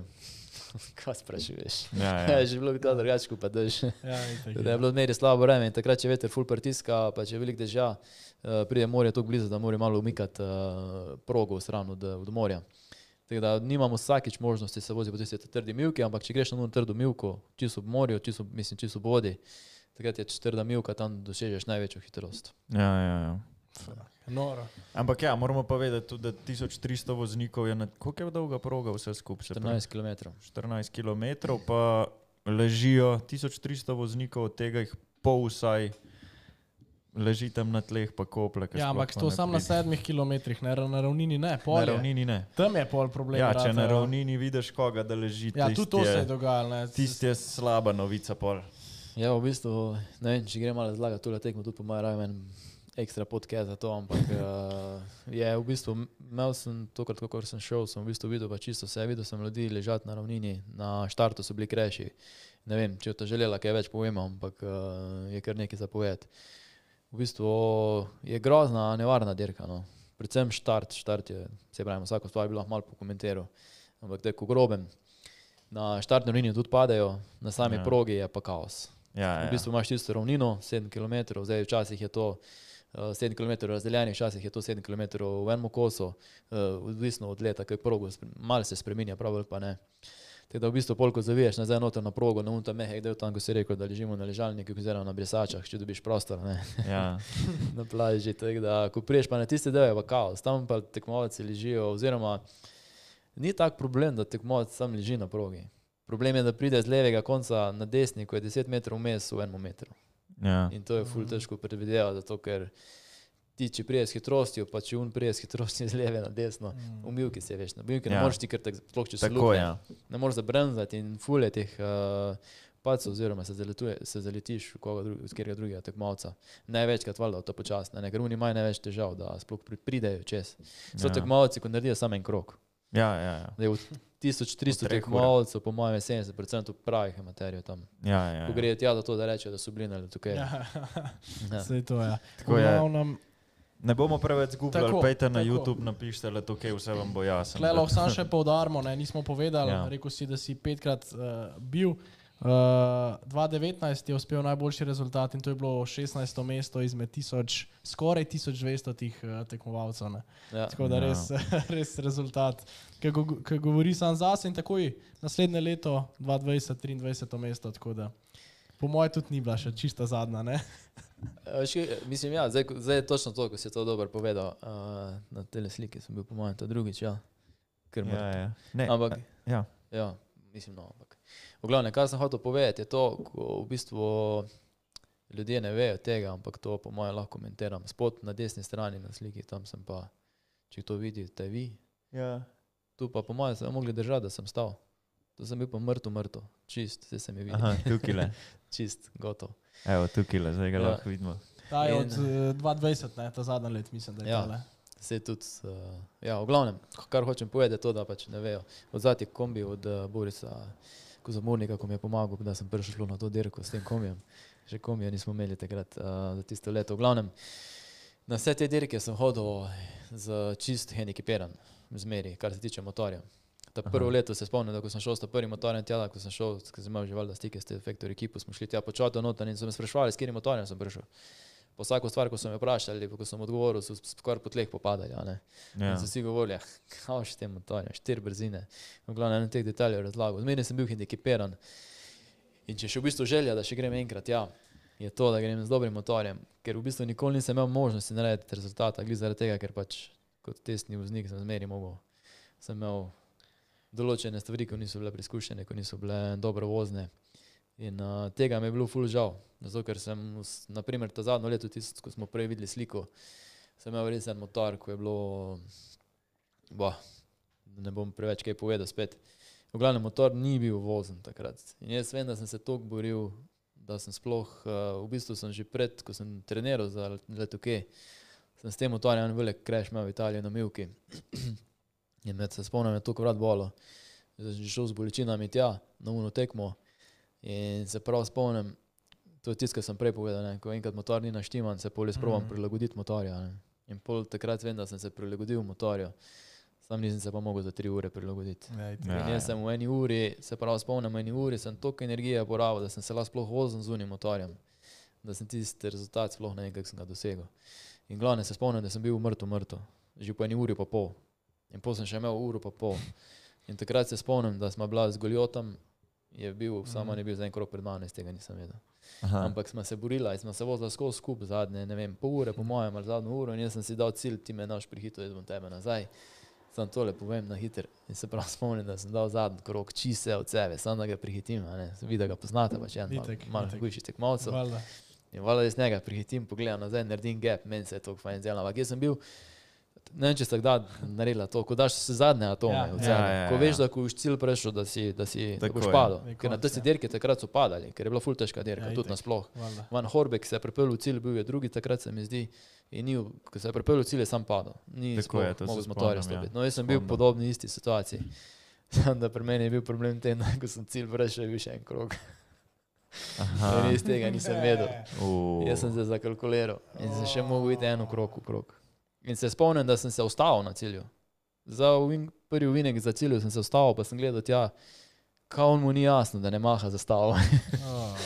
In nisem vedel, kako naj grem naprej, ker sem bil mrtev. Mrtev, konc, konc. Ampak sem še nekako zbral uno moč, gledal, mislim, da se je pol pripeljal, pa sem rekel, le, fant. Tule je proga, jaz ker sem vedel, da nisem mogel, več koliko momentov sem imel. Wow. In sem vedel, da ne bom zdržal. Če grem še enkrat hiter pelat, uh, ne bom, uh, mislim, bom padel. Dejstvo je bilo, da bom padel. No, in pol sem kom je pripeljal v cilj, pa se priboril skozi une tekmovalce, da sem prišel do, do boksa, vse se vidi, da sem bil tam pol mrtev. Da, tu sem si pa takrat rekel, kol več. Ampak sem si pol rekel, enkrat, saj, enkrat sam, kad bi rad šel z dobrim motorjem, Ja, z dobrim ja, ja.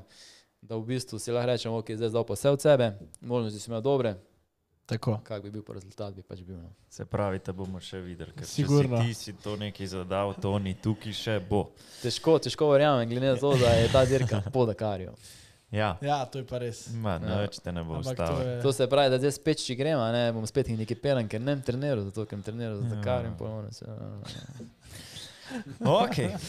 Se pravi, ja, smo pa videli, no, da so te vzdržljivostne der- derke nekako navdušile, ne? ker si se v bistvu pol začel mislim, si se začel tudi na cross country udeleževati ne, in si, kdaj? V letu 2015 si ga začel tudi Dakar. Dakar. Cross country si Takrat začel takrat. Dakar, ja. Takrat si začel cross country voziti, pa v bistvu si se začel malo umikati z neke dirkaške motocross scene. Uh, ja, v bistvu je bilo res. Kaj, Ja. kaj je bil to razlog? Uh, kaj pa jaz vem? Po mojem, finance naj, v največji meri so bile finance. Uh, ok, detajlov, mislim, ostale stvari valjda so tudi privedle do tega, ta odnos z, z našo zvezo, z vsem tem, kar se je takrat dogajalo na tekmah. Uh, tudi pač, to so bili od nujnih let, ko je bilo treba veliko delati, ne, ni bilo možnosti trenirati, uh, nek support sem zgubil, takrat se prav spomnim. In takrat sem bil, mogoče ne bi ta prvo leto, ko sem šel cross country, sam provat pelati. pač vabili so me že ne vem koliko let, pridi, pridi, pridi, pridi in nikoli nisem šel. In ne vem, zakaj sem se takrat sploh odločil, da sem šel. Ampak da sem šel, pa začel pa dirkati, takrat se pa prav spomnim, da, da je bilo to ono leto, ko bi bilo leto, lahko bi jaz lahko nehal voziti. No. Ker nisem imel motorja, nisem imel nekega suporta, sem se rekel, pa zaključil kariero, ne več vozil. In smo bili na podelitvi dama za seja, ironično, z Jakatom Selešem smo sedeli skupaj. In smo pol tudi eh, po podelitvi smo šli pol skupaj, ven smo nekaj popili, malo po, pojedli se, pač malo pomenili teh stvari, pa sem rekel, ja, kot takrat le. Uh, pač nimam suporta, jaz bom pač nehal, pa ne bom več dirkal. Da, če se ne bo glih nekaj zgodilo zdaj le. In uh, takrat smo pol nekaj začela govoriti o tem cross country, pa da bi mogoče še to proval. Jaz sem pač imel mogoče eno željo, da grem provat te tekme, ker so me zanimale, pač neke nove stvari, no. Malo sem se motokrosa navrčil, scene sem se navrčil, no, tega Ja, ja, ja. pristopa, ko je bil, uh, mogoče me ti zdaj malo razumeš, že, ko si v podobni situaciji, ja, kaj še kar. Ne, pa tudi vedno bolj. Vedno bolj, ja. Ja. ja. Da, vse je šlo na robe smer takrat. V bistvu, po mojem, sem celo, celo, celo življenje že iščem šport, ko ga ful primankuje.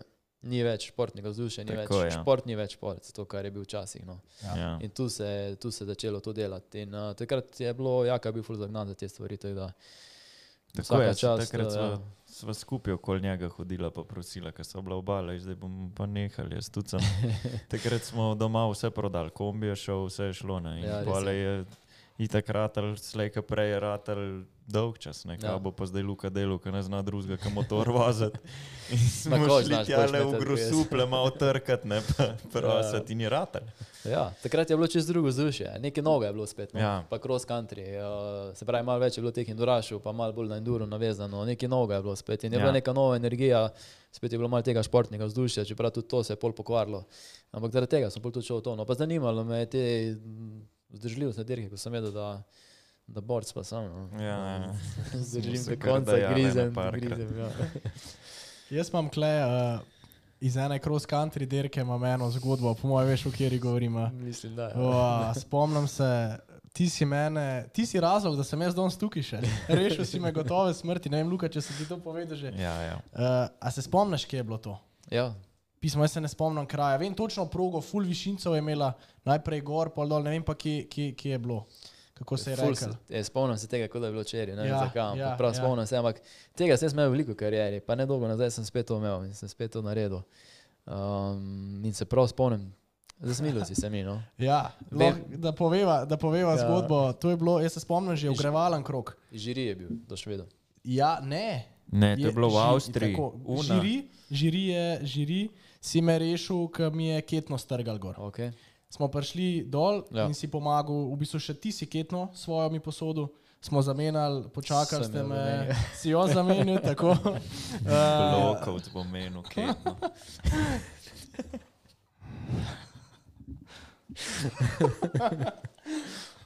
Uh, si mi zamenil ketno, da sem lahko pol odpeljal tekmo. Uh, tudi štartom so počakali, uh, tako da se ti si šlo. Ampak jaz sem zdaj le Avstrijo mislil. Okay. Ker je bila pa ista zgodba, mi je paketno isto gor strgal, nekje čist, kaj da bi rekel, par kilometrov stran od, od boksa. Uh -huh. In me je ketno pol zabil med zobnik, ta spredem pa med geštel. Veš, in pa si ti se spomniš, Zdaj se spomnim, kje je to bilo. Uh, ker so na začetku so z eno puško streljali za Ja, štart. To se je ta zadnja derka, ni vedno ta zadnja. ja, ja, ja, ne morem se spomniti imena, zdaj sem točno vem, kje je. Ja. ja. Ja, ja, Uh, no, vem, to je v bistvu, je, kak je že krok. Vem, da se voziš, ne vem, če je krok dolg pol ure ali pa če je 15 minut dolg krok, Ja? se voziš 7 minut gor, 7 Tako, minut tako, dol. ja. najprej Tako je. sam gor, pa pa sam dol. Ja. Tako. Tako. In tebi je, mislim, da najvišji točki. Najvišji točki, Ampak- najbolj stran. Ampak to, što si bil ten, da tak- tis- tam, kjer se je tebi zgodilo, ne? ti imaš krok, če hočeš priti nazaj, ga moraš zaključiti. Ja, Ja. To se pravi, če nisi na vrhu, ne moreš iti kar ja, nazaj. ja, ja. ja, Ti ja. lahko sam kontra nazaj in se prav spomnim, da sem se ful dolgo vozila, da sem, da sem Ja. ja. sploh do tebe prišel. Tako, ti si, ti si pa isto uno derko vozil in ti je, ali ti je motor neki crknil, ali predčasno si, ne, si zaključil. Ne vem, kaj je bilo. Ne, druga klasa po mojem. Ne, ne, ne, ne, ne, sem- nekaj je bilo, nekaj sem je vozil, bilo. ne, on je, sam takrat, ko si ti vozil, jaz ne vem, če bi še stavo vozil. Ali sem skupaj v isti klasi? Skup, ne vem, če sem bila skupaj v isti klasi, ampak sigurno sem imela isto dolžino derke. Se, Pa... spon, se spomnim, da sem imel probleme takrat z motorjem, da sem Tako. stopil. Ja, dvakrat sem imel na uni tekmi probleme. Ja. V glavnem, meni čist nekje gor mi utrga ketno, gledam ti, kaj bomo zdaj. Ne? Meni ni bilo, ne, ne, že nisem vedel, kaj bom. Ne? In najdem tam enega, enega redarja, najbližji, ki je bil, mu sam rečem, si lahko telefon sposodam, pokličem uh, oče, a rečem, le oče, klej, gor sem, to pa to se je zgodilo, pa jaz sploh ne vem, kaj, ne, kaj bomo zdaj. Uh, in hvala Bogu si pol ti takrat v box prišel in te oči prišel iskat in si v bistvu pol ti si od enega drugega, mislim, da celo motor sposodil, da si pol prišel gor do mene. Uh, in pol se spomnim, da je bilo tako, da so se v bistvu, jaz nisem mogel se z motorjem pelati, lahko sem se samo lero pač spustil uh -huh. uh, in si ti skozi hodil tako po ene 100 metrov pred mano dol, da če slučajno, če ne bi bilo kul, ne, da, da ne bi rabila ja. gor in Ja, ja, veš, ja, ti si ja, ja. prišel dol pogledat, prid v redu je, prav sva. sem se spustil jaz dol in tako po 100 metrov in ne vem, kaj da bi rekel, kaj da bi, rekel da bi mogla biti dirka v petih, da se je končala, mi da so ob ene sedmih prišla Ja, ja, ja. box. Točno, zdaj se so šli, ja. To ne bom jaz nikoli pozabil. Prav iska sem mogla podno, ja, da je full trajalo. Ja, ja, ja, to je bilo tudi tak lep Ja. ja. spomin. Um, Drugač pa ja, v petih letih dobrih štiri prvenstva si osvojil v cross countryju um, in to te v bistvu, Pa jaz. tebe ni noben nič vprašal zdaj, ne? Kaj, jaz še nisem jaz nič rekel. A ne, ja. uh, si bil pa v bistvu tudi 2021, torej lani. Bom kar jaz povedal, da se ne boš spet sam hvalil, da si bil tudi ti v ekipi. Ne? Uh, ste bili zbrani, oziroma si bil zbran v Ja, zbran si bil za slovensko reprezentanco na Enduru na derki Six Days v letu 2021 in v tem studiu smo zopet kar dva, ki so zastopala reprezentanco na tej elitni derki najboljših dirkačev, pa nas na tej točki zanima, kakšna je bila tvoja Six Days izkušnja. Fua. Dobro vprašanje. v bistvu tek rekel, da če smo prej govorili o tesnem vozniku, ne, da uh, v bistvu kot tesni voznik, te, tesna služba, bom rekel uh, služba tesnega voznika mi je zaznamovala kariero na vse na možne načine, po mojem. Predvsem zaradi tega, ker je zelo veliko možnosti, veliko novih stvari. Veliko sem se lahko vozil, sem bil pa največkrat se prav spomnim, da sem takrat tudi uh, neke stvari imel, ko sem jih mogel probavati. Puh. Super, smo se imeli, vse je bilo fajn, uh, si zdaj biti tam vse, ampak vem, da sem pa trpel zaradi tega veliko, veliko. Pač vi niste tega razumeli, po mojem, ker tako nisem mogel govoriti o teh stvareh. Ja, a ne. ja, ja. Ampak sem imel ogromno težav takrat. Bilo je pa fajn, super je bilo zastopati Slovenijo, uh, biti z vami tam, uh, biti v pač nekem novem eh, segmentu spet, da ni bil to motocross, da je bilo pač nekaj, kar se enduro tiče spet. Pa dirka, valjda, to je skoraj tako kot Amerika. Vsi govorijo o tem Six Daysu, kako je to fajn, kako se tam dogaja, koliko je to voznikov, kar na koncu je res. Ja. Takrat je bilo v Italiji, je bilo full dobro vzdušje. Vse v Italiji, po mojem, vse te dirke, ko se odvijajo, je dobro vzdušje. No. In tudi takrat niso razočarali Italijani. Uh, je bilo fajn, uh, trajalo je dolgo, v bistvu se je grenko končalo, spet za mene, ker nisem Ja. zaključil tekme, ker sem imel tehnične težave. Ampak uh, v bistvu vas je bilo ful težava gledati zadnji dan na motocrossu. Ja. Ja. Sploh tam, ko ste ga krivili, teda tam sem si po mojem se usnice pogrizel. Uh, ja, pa je, se pravi, je to tudi ena izkušnja, ki bi jo rad šel tako, kot je to ok. Verjetno. Probati Uh, odpeljati ja, še z ja. nekim Ja, motorjem, ja, ki si ga sam, ki veš, kaj imaš ja, v bistvu. Ja, na nek Vse v način. bistvu zaradi tega me je tudi polo delilo malo tega, ta odreli karijere, če lahko tako rečem. Mhm. Me je ta stvar malo delila, ker sem enkrat vmes imel možnost z dobrimi stvarmi dirkati in takrat sem si rekel, zdaj pa all in. Ja. In to je bilo v nedeljo, ko sem pol za dirke zmagal tisto leto, zdaj sem pa pol spet na, na novo zadevo prišel, tam novi problemi. Teda mogoče ja, bi bilo fajn iti enkrat to probati uh, na takem stilu, ker konc koncev si šest dni na motorju, veliko kilometrov narediš, če se ne počutiš fajn, so pa dolgi. Itak, ja. Uf, uf. Zanimiva je bila dirka, jaz tudi ja. to je treba še iti. Ja. Saj Ogromno pa- smo se praha najeli. To se je pa že po slikah videl. Ja. To, je- to je bila pa v bistvu ful, tega si pa ne želim. Tega si pa ne želim. In mogoče je to bila tudi ona izmed stvari, ko nisem, ko ni, ni tako, da, da tukaj bi takoj šel za vseh, zdaj bi pa še zmeri malo premislil. Ja, Zato, bi ker je bilo pa, uf. Vse ti se spomniš onega vinograda, tam ko smo Ja. ja. pol special ja. skrajšali. Pismo, mene Ja. ja. samo škoda, ker nisem mogel iti z vami, ker je bilo že vse zmeden. Ja. Spomnite, da, jo. In en Ne, dan ne. prej v Rehovi še eh, Mihata, brata tvojega, bi, Ja. ja. bi mogli iti skupaj. Vse je bilo zmeden, da bomo šli skupaj. Ja. Uh, in jaz sem imel kaj, dva dni prej. Ali, že En en dan prej, prej. jaz bi mogel v nedeljo iti, v soboto ja. smo imeli pa derko. Ne? In si ramo spahnil. In spomnim se tam v bolnici, ko sem ležal na urgenci, sam razmišljal, fah, pa zdaj najbrž ne bom mogel iti. to me je najbolj bolelo, predvsem. Tako da ja, upam, da, da Slovenija še, še kdaj sestavi ekipo, pa da bom imel možnost iti tudi jaz zraven. Voziti. Manj niti ne tako voziti, kot kar ne vem. Takrat je bilo, da ne bo kdo mislil, da bi jaz takrat vozil. To je bilo uh -huh. za MZS bi šel kot PR-ovc, takrat se je v tej, v tej uh, Ja. ja. smeri to govorili in mi je fulhodo, da nisem mogel iti. No. Ja. Da še kdaj. E, iz- Tako bi tudi jaz še šel. No? to bi ziger šel. Ja. Čez njih bi pa premislil, oziroma bi Ja, kaco prej ja, preveril, ja. se se spomniš, kaj smo praha pojedli. Mislim, Ja, ja, nevar, ja. Nevar, nevarno je bilo. Nisi videl noč, nisi Ja, vedel, v bistvu sem bil tako žirafa, ko daš glavo ven pa čakaš. A je Ja, ja, luknja, ja, ali ni ja. luknja, je drevo, takrat se jih je ful poškodovalo. Ful se jih je poš... nek- so Neki francozi se, ene celo umr takrat, ja. Uh, ja, je, mislim, je vse to derka, ki je kar dost nevarna. Pa, v bistvu so zanimivo, da so se lotili na ta način, da ni bilo nobenega zalivanja. Na čuni časomerilci, a se spomniš časomerilce, ki je imel na, na laptopu, je imel gor en centi prahu, ki vsakeč, ki je hotel pritisniti tipko, je mogel pihati, da je najdel sploh tipko, ki je pritisnil, je bil že nov prah gor.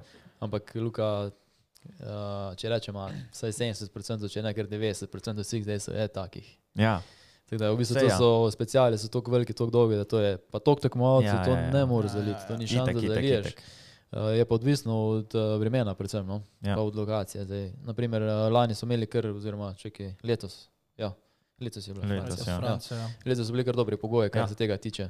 Teda, to čisto odvisno, kako naletiš, ampak večinoma vseh zdaj so je taki. No. Tako je, se pravi, ja, da ta sploh še ni tako hud, ne, da ne vem, kaj kompliciramo, da je bil ne vem kje v Španiji še stokrat slabši. Jaz se spomnim, takrat mi je Rad Bauer je bil takrat na teh SXS-ih kot mehanik, takrat velikrat pa mi je on govoril, hej, če si kdaj mislil, da, si, da je bilo full prašno na motokrosu, verjamem, da ni bilo nič, ali pa si nisem mislil, kaj ti me govori, jaz sem kunica derko na uni prašni progi. Ampak v bistvu dejansko res, ko sem tja prišel, je bilo res uh, ogromno, ogromno praha. Ja, ja, ja. Ja.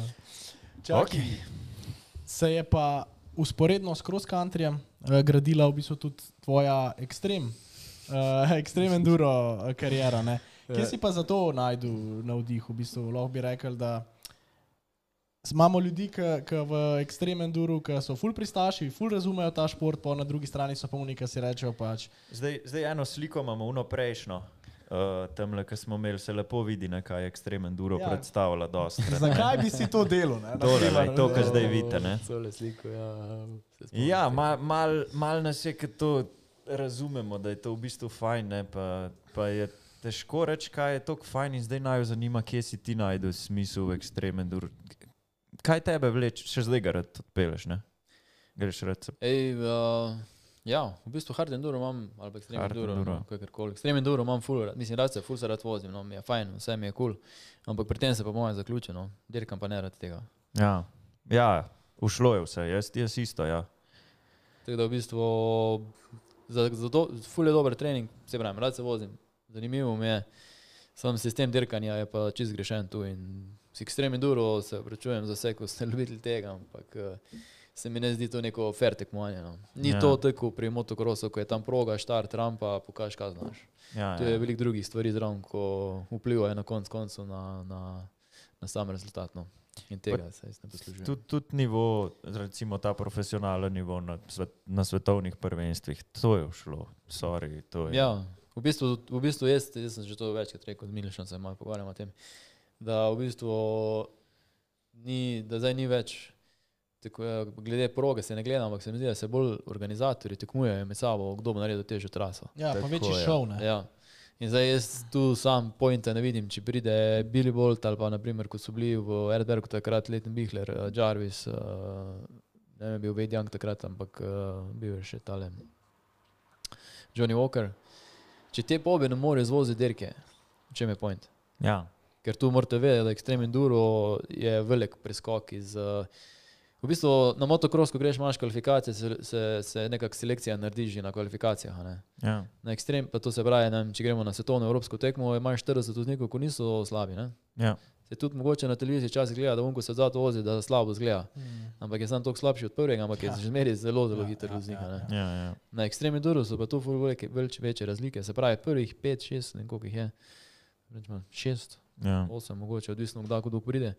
Je res dobrih voznikov, vse ostalo so pa velike razlike med njimi. a ne. Tako je. In to pomeni, da če se un 8 matra, pol un 15 umira od zad. Ne, pa se že, že sam to, naprimer, en Erzberg, če vzamemo, da od 500, ti- 500 se jih uvrsti ne, na, Ja. ja. na dirko, Ja. da jih lahko koliko konča, 10, dve- 20 ali koliko Ja, ja, jih končuje. To je spet odvisno od dirke, ampak rečemo 20. No. Ampak ja, da, kaj point? Ni, sam- Erzberg je itak sam šel. Ja, Erzberg, sploh ne vem, zakaj gre to tako malo tja, ampak se, mislim, da smo enkrat gledali, da večino ima tako avstrico, ja. Ja. ker je to njihova domača Tako dirka. je. Tako Da v bistvu vsak, te, vsakmo, ko omeniš Erzberg, mislim, uh, ekstremni duro reče, jaz bil na Erzbergu. Ja, ja. Ker nima nobene veze. ja. Erzberg sploh ne moreš reči, da sem bil pa dober na Erzbergu, da sem pa rezultat naredil. Ne, ne moreš tega reči. Ja, itak. Na Ja. Erzbergu se ne navoziš, sorry. No, ampak ti to vseeno lahko rečeš. Bil sem tam, ja. Ja. Bil si pa tudi naredil si dober rezultat, ne moreš reči, da ne, ker uh, tukaj le no, pa bomo mogoče se mal. Ja, preskočili smo. A Ja, gremo najprej na Ne, liko, najp- ki je. Ne, ne, ne, gremo najprej to, kar je bilo prej. Ne. Se pravi, Ajde. na Erzbergu v letu 2019 si zaključil, v bistvu na koncu na odličnem 60. mestu. Ampak s kar neki težavami, ne? Uf. Dej, dej, opiš nam malo tole tvoje. Tele težave. Ne, ali pa ne, ne, bomo, ne bomo predolgi. K, k, Ne, se bom probo, bom probo. V glavnem, eh, na SBR takrat smo šla v bistvu mi da skupaj. Ne? Tako, takrat ja. me za krapuča prosili, če grem prolog pelet tam. Pa sem rekel, ja, vala, da grem normalno. Ja, Ja, ja. Polko sem že bil tam, sem popaj že uno. gre. Ček, prolog sem odpeljal. Že zakaj pa ne bi šel še na dirko, če sem to poni. Ne, ne, ne rabiš, šit ne rabiš, prolog je za nas važno, to je to. Ampak glavnem sem se znašel pol na dirki. Nekaj sem spet testiral, ne. ja, ja, ja. In se ni šlo po načrtih, da, da sem v bistvu imel že težave po četrtem checkpointu. Tako da v bistvu sem na več kot pol dirke imel ful težave z to gumo. Uh, in pol se je nekako začela menjava une gume in sem to gumo dvakrat menil vmes. Tako je. Ja. Ti So v bistvu na drugo, kar si dubu, uf. se je še una uničila ne? in si pa mogel nazaj. Ja. Tako da sem dvakrat menil gumo vmes, zdaj ne smeš med pomoči, da sem vse sam delal. Ampak to mi je zelo toliko cajta, predvsem pa energije, normalno, valjda. Z, z to ne vozno gumo sem se vozil več kot pač, ja, 70% dirke. Vmes smo pol še raufali dvakrat, uh, čakal sem vmes, da sem ono staro felno dobo nazaj moje pokvarjene že. Ja, ja. Tako da to, to so bili šovi, ja. tako da v bistvu ni to, ni to sploh dober rezultat, da od tega umiral sem takrat v Krčih sem bil. Ja, ja, ja.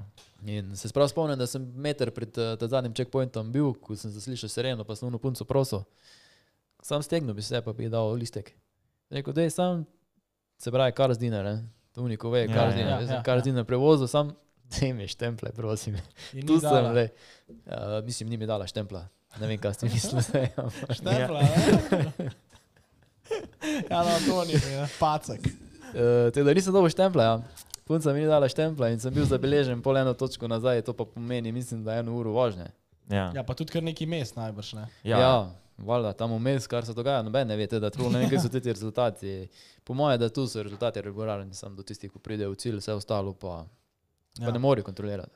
Nič ja, v bistvu med prvih 66 smo spet dva v tem studiu, ko smo takrat zaključili. No, evo, ti si Ja. eno uro, ne, koliko je bilo, no, se spomniš? Jaz sem- vem, jaz sem zanima, nekje kaj na- povedal. Na, na tri ure sem jaz, tri ure 15 sem zaključil. Uh, no, ja. nisem mogel več v krčih. Sklopko sem držal, pa sem gledal, pr, zakaj se ne stegne, da bi spel. To so taki krči, mislim, jaz te, te derke. Ok, mogoče bi se mogel malo drugače začeti pripravljati, ampak ne vem, če imam željo še kdaj pelati. Mo- Ne, se v bistvu dejstvo je tako, da, da na RSBRG smo oba dva šla za, ne vem, Ja, Rukija, Dva, mislim. tri mesece prej smo se Tako, začela tako, voziti tako, ekstremno tako. enduro. Da, ja. Mislim, mogoče sem jaz malo več ur prej naredil, ampak ni to, niso bili to treningi. Tako, ja, Nisem ja. rekel, ok, zdaj, ne vem, folk se pripravlja leta za te dirke. Ja, Ja, Mi saj smo glava, je. ne vem, mogoče pol leta, eno leto, ok, da pa gremo. Čist. niti, niti, niti gume nismo, niti musi, to je bilo vse. Nič, ja, o, ja. s katerim musom je Lukaš, o bože.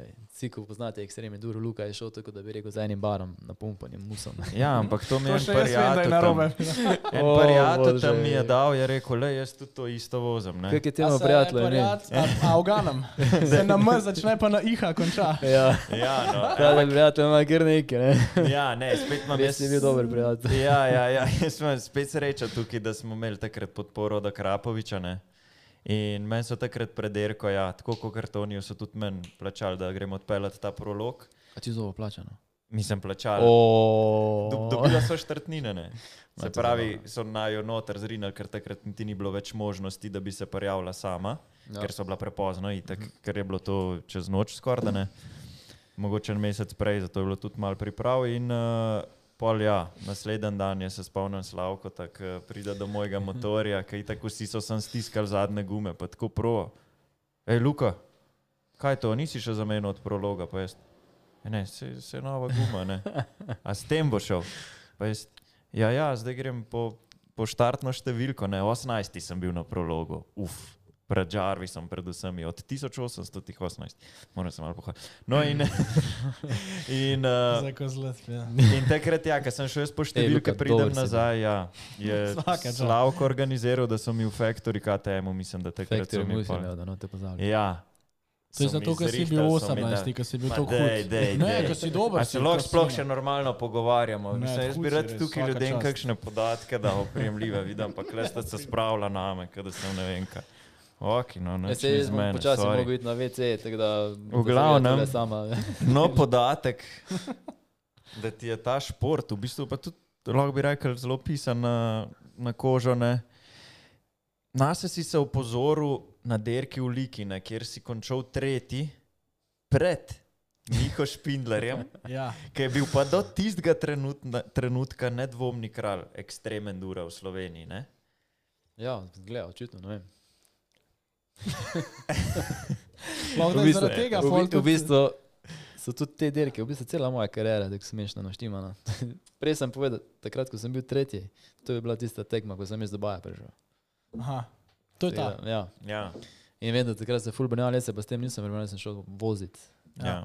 Ker jaz sem vedel, da se spomnim, da ko smo štartali, prvo je bilo to, ko sem prišel iz reli motorja na 300, ja to ne, to je spomnim, bil ker prvi. šli skupaj do štarta. A se spomniš, ko sem trikrat skoraj padel do tega? Ja, Jaz sem trikrat jaka skoraj padel do tega, ta prvič motor skoraj spodritil to šel. je 500 metrov, po Makadamu. To je to, to je prvič je bilo to. Pol pa že tek malo confident, da veš, tam se peljem na prolog, zdaj pa je, Ja. zdaj tole, prvič iz milke, jaz to obladam. Jaz se prav spomnim, prav na bulom na 300, tako, a, na, na, bremze, oh, fuck. pardon. Ni bilo bremze, ker naredili motor, res to prime. Ja. Se prav spomnim, tam je bila ena banda, ampak sem, jo, sem prišel na progo, jaka iz druge strani, jaz bil za mano takrat, ne vem. Ja, ja, ja. Glavno, jaz sem pred uno bando mislil, da bom, ne, to je bil to tretjič pol že. Aha. Predtem sem eno luknjo imel in sem se hotel zbremzati. In ni šlo, Ni ni, šlo, bilo ja. bremz. Ja. In sem sam zamežal. In tad pol ta tretjič je bilo, pa ko sem prišel do te bande, ko smo mislili, ok, zdaj pa je že malo boljše, ok, zdaj pa skočil iz te bande ven. In ko sem dal gas, valjda motor ni potegnil, ker je bil dvotakni, ni bil štir takni. ne. Ja. In jaz sem bilo, sklad na pred vsemi na na Ro, Roni Mac, da si Ronnie boste predstavljali, tako je ja. šel on čez bando. Ja. Tako da pol, ja, pol se pa v bistvu, ja, jaz sem bil tretji, ampak se spomnim zjutraj dirke, pol ko je bila, se spomnim, da smo take prste. Ko je bil sneg, grst po sneg, takrat so Ja. po trase skrajšali, ker je bilo še vse v snegu. Tako je.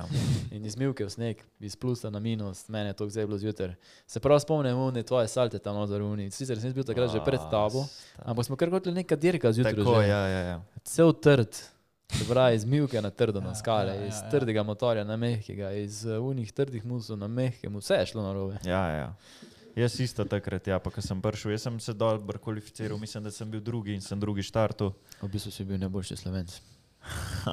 Tam jaz tam- pohvalim. Si tam tudi The kakšen support, so fastest- te najdel, so te The podprli. fastest Ja. Slovenijan rider imam še zdaj pokal doma in to več iz Lika, iz uh, Erzberga, iz posod. In kako se No je pa ja, pol v nedeljo, si pa ful to, dobro ja. odpeljal. a? V nedelo pa isto je bilo, no, pač jaz se nisem več pripravljal, nisem vozil ekstremno. da je no to pa nekaj lažje, časa. Milošan sta trenirala tam. Ja. En, en, v Zabavno tistem je. tednu prej sva šla dvakrat, pa sem jaz Milošu rekel, hej Miloš, jaz si grem. To je bilo enkrat grem prej, iz- ko jaz nisem šel. Aj, to je bilo enkrat Ja. prej, ja. takrat sem bil boljši. Ja, No ja, nima veze. ko meni ni bilo. Zdaj sem se zgubil, no. v glavnem ni mi šlo, prst sem si raztrgal, takrat sem dobil šive, vse je šlo na robe. Ok, ampak gremo nazaj na Tonija, ker danes smo zaradi tebe tukaj. ne. Ja, si Da dolžen hitro povedati, zaključimo, ja. hitro zaključimo tale ekstremen duro, ker nas čaka Dakar. Ne. Ja. Sigurno je pa en highlight tvoje kariere nastop na najtežji ekstremen duro derki Red Bull Romaniacs. Ne. To je v bistvu rally, uh, ki traja 4-5 dni. Pet dni. Pet dni in to je najtežja ekstremen duro derka, bi lahko rekel, sigurno. In ti si v silver kategoriji si zasedel drugo mesto, kar je ja, nepredstavljivo. Kakšna je bila ta preizkušnja? Zdaj, po, po posnetkih, pa vsi, ki smo to derko gledali, to ni šala ta derka. To, da sploh okol prideš, Gold je najhujša klasa, tisti se mi zdi nemogoče.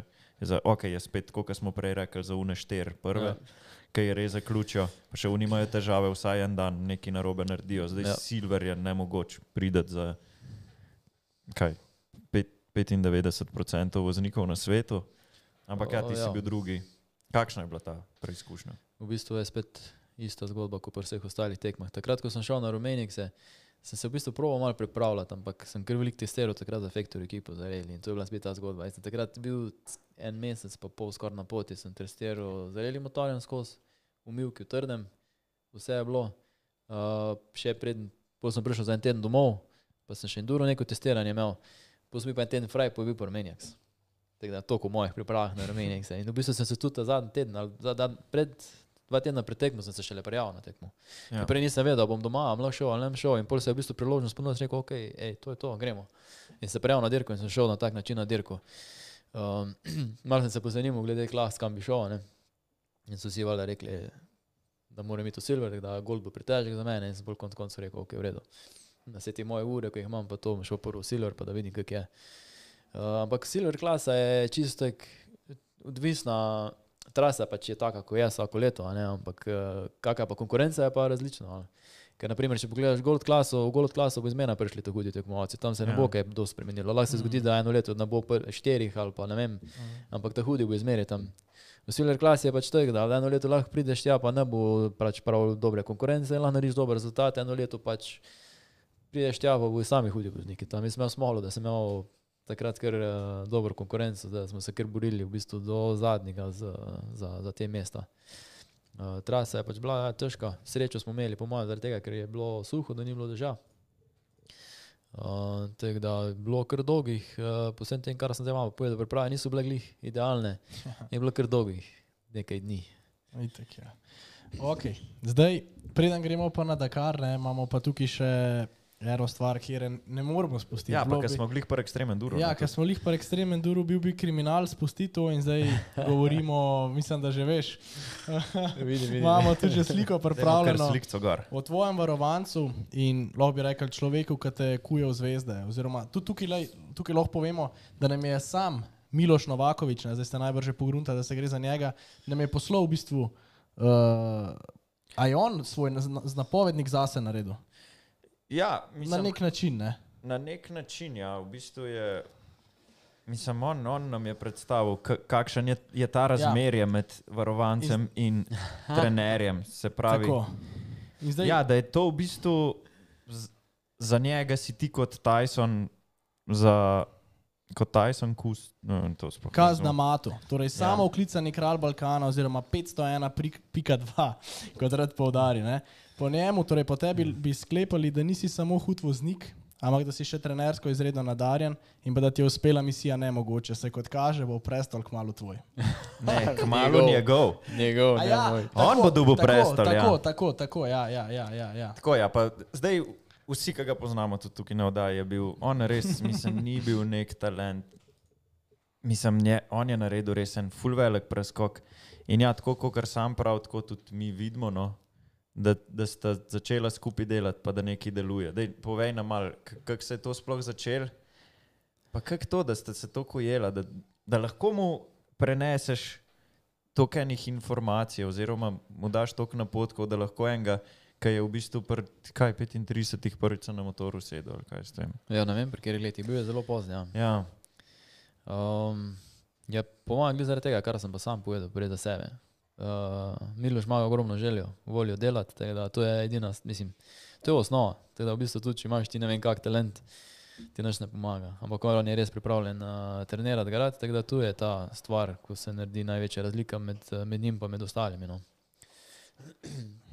Teda Miloš je kar pridn, pridno trenira. Um, zdaj, vsi veste, da ga je še pol zmanjkalo, smo pravi, Ja. da je še sem pol Miloša. Ja. Uh, ampak uh, on je bil po mojem enem izmed redkih, ko, ko me je v bistvu poslušal.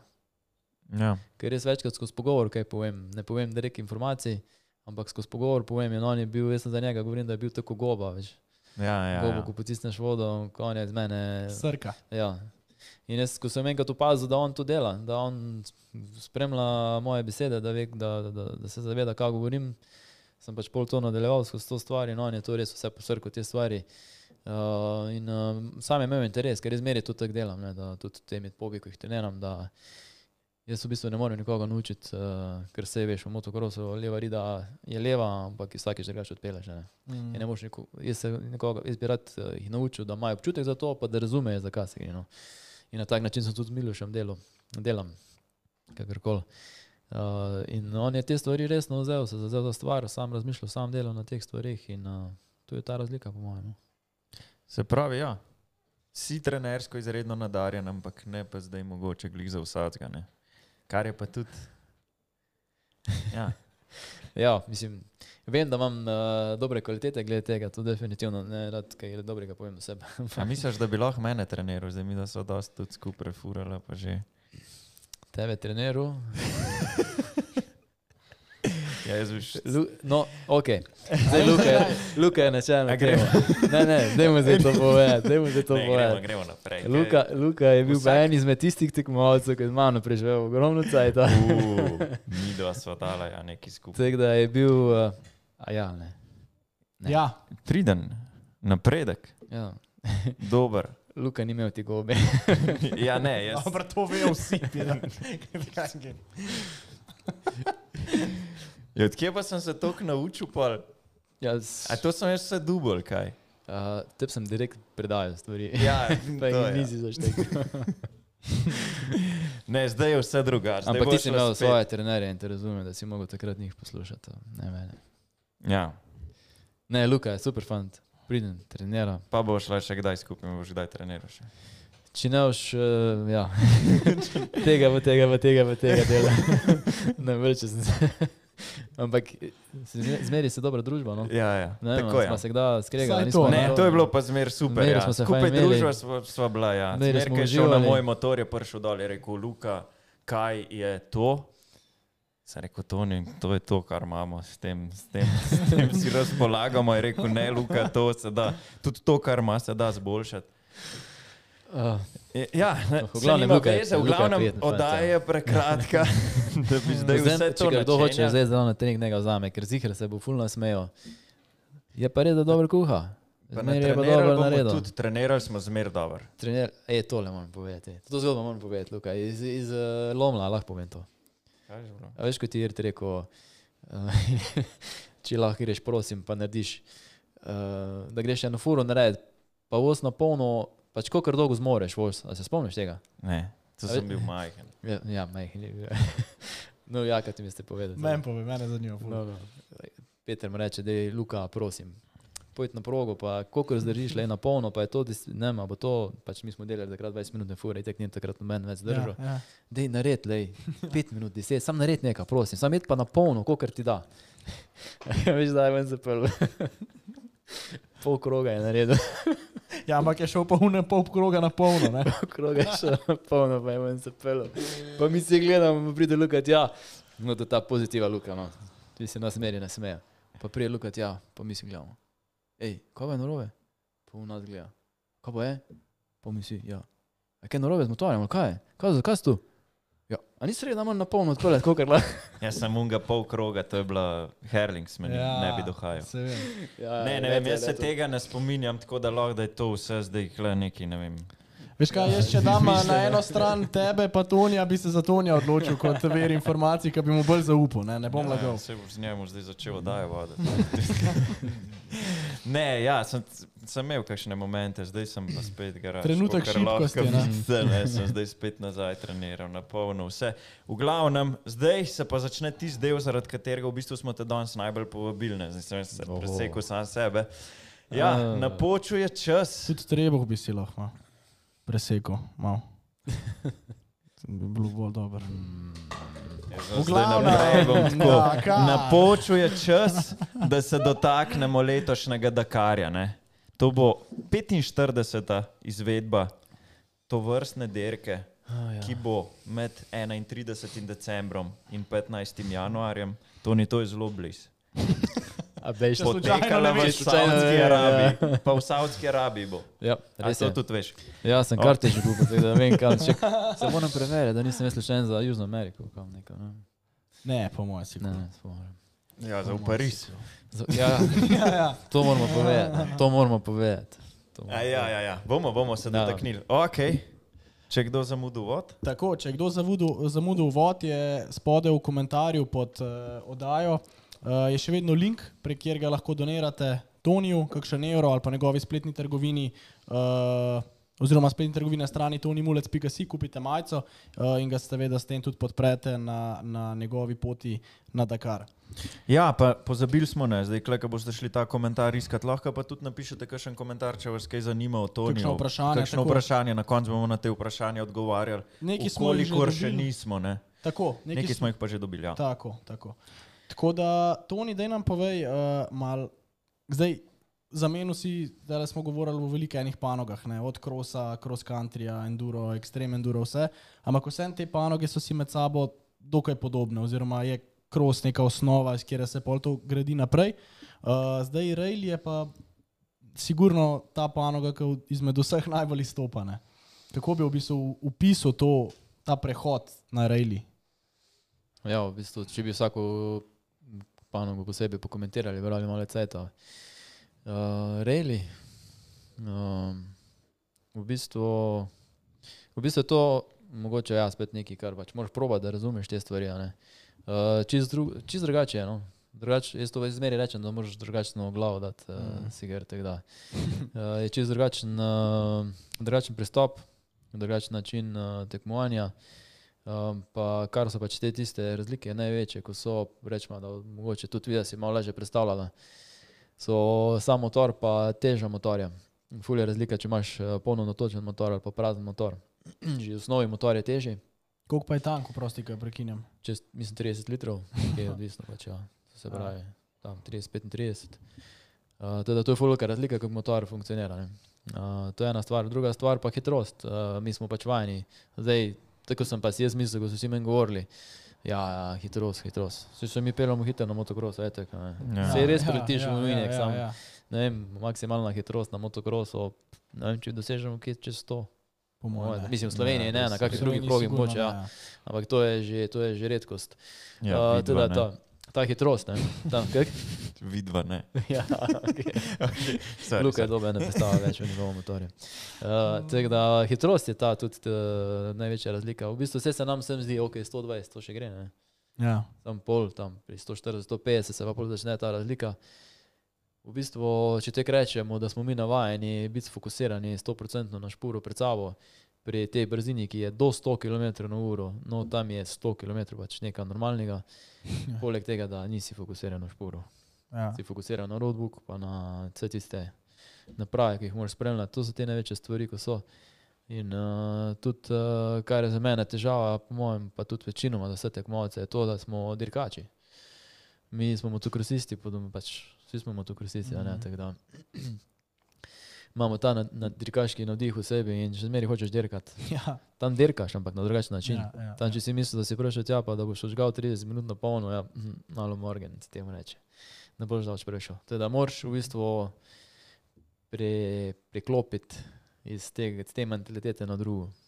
In vse te stvari zravno.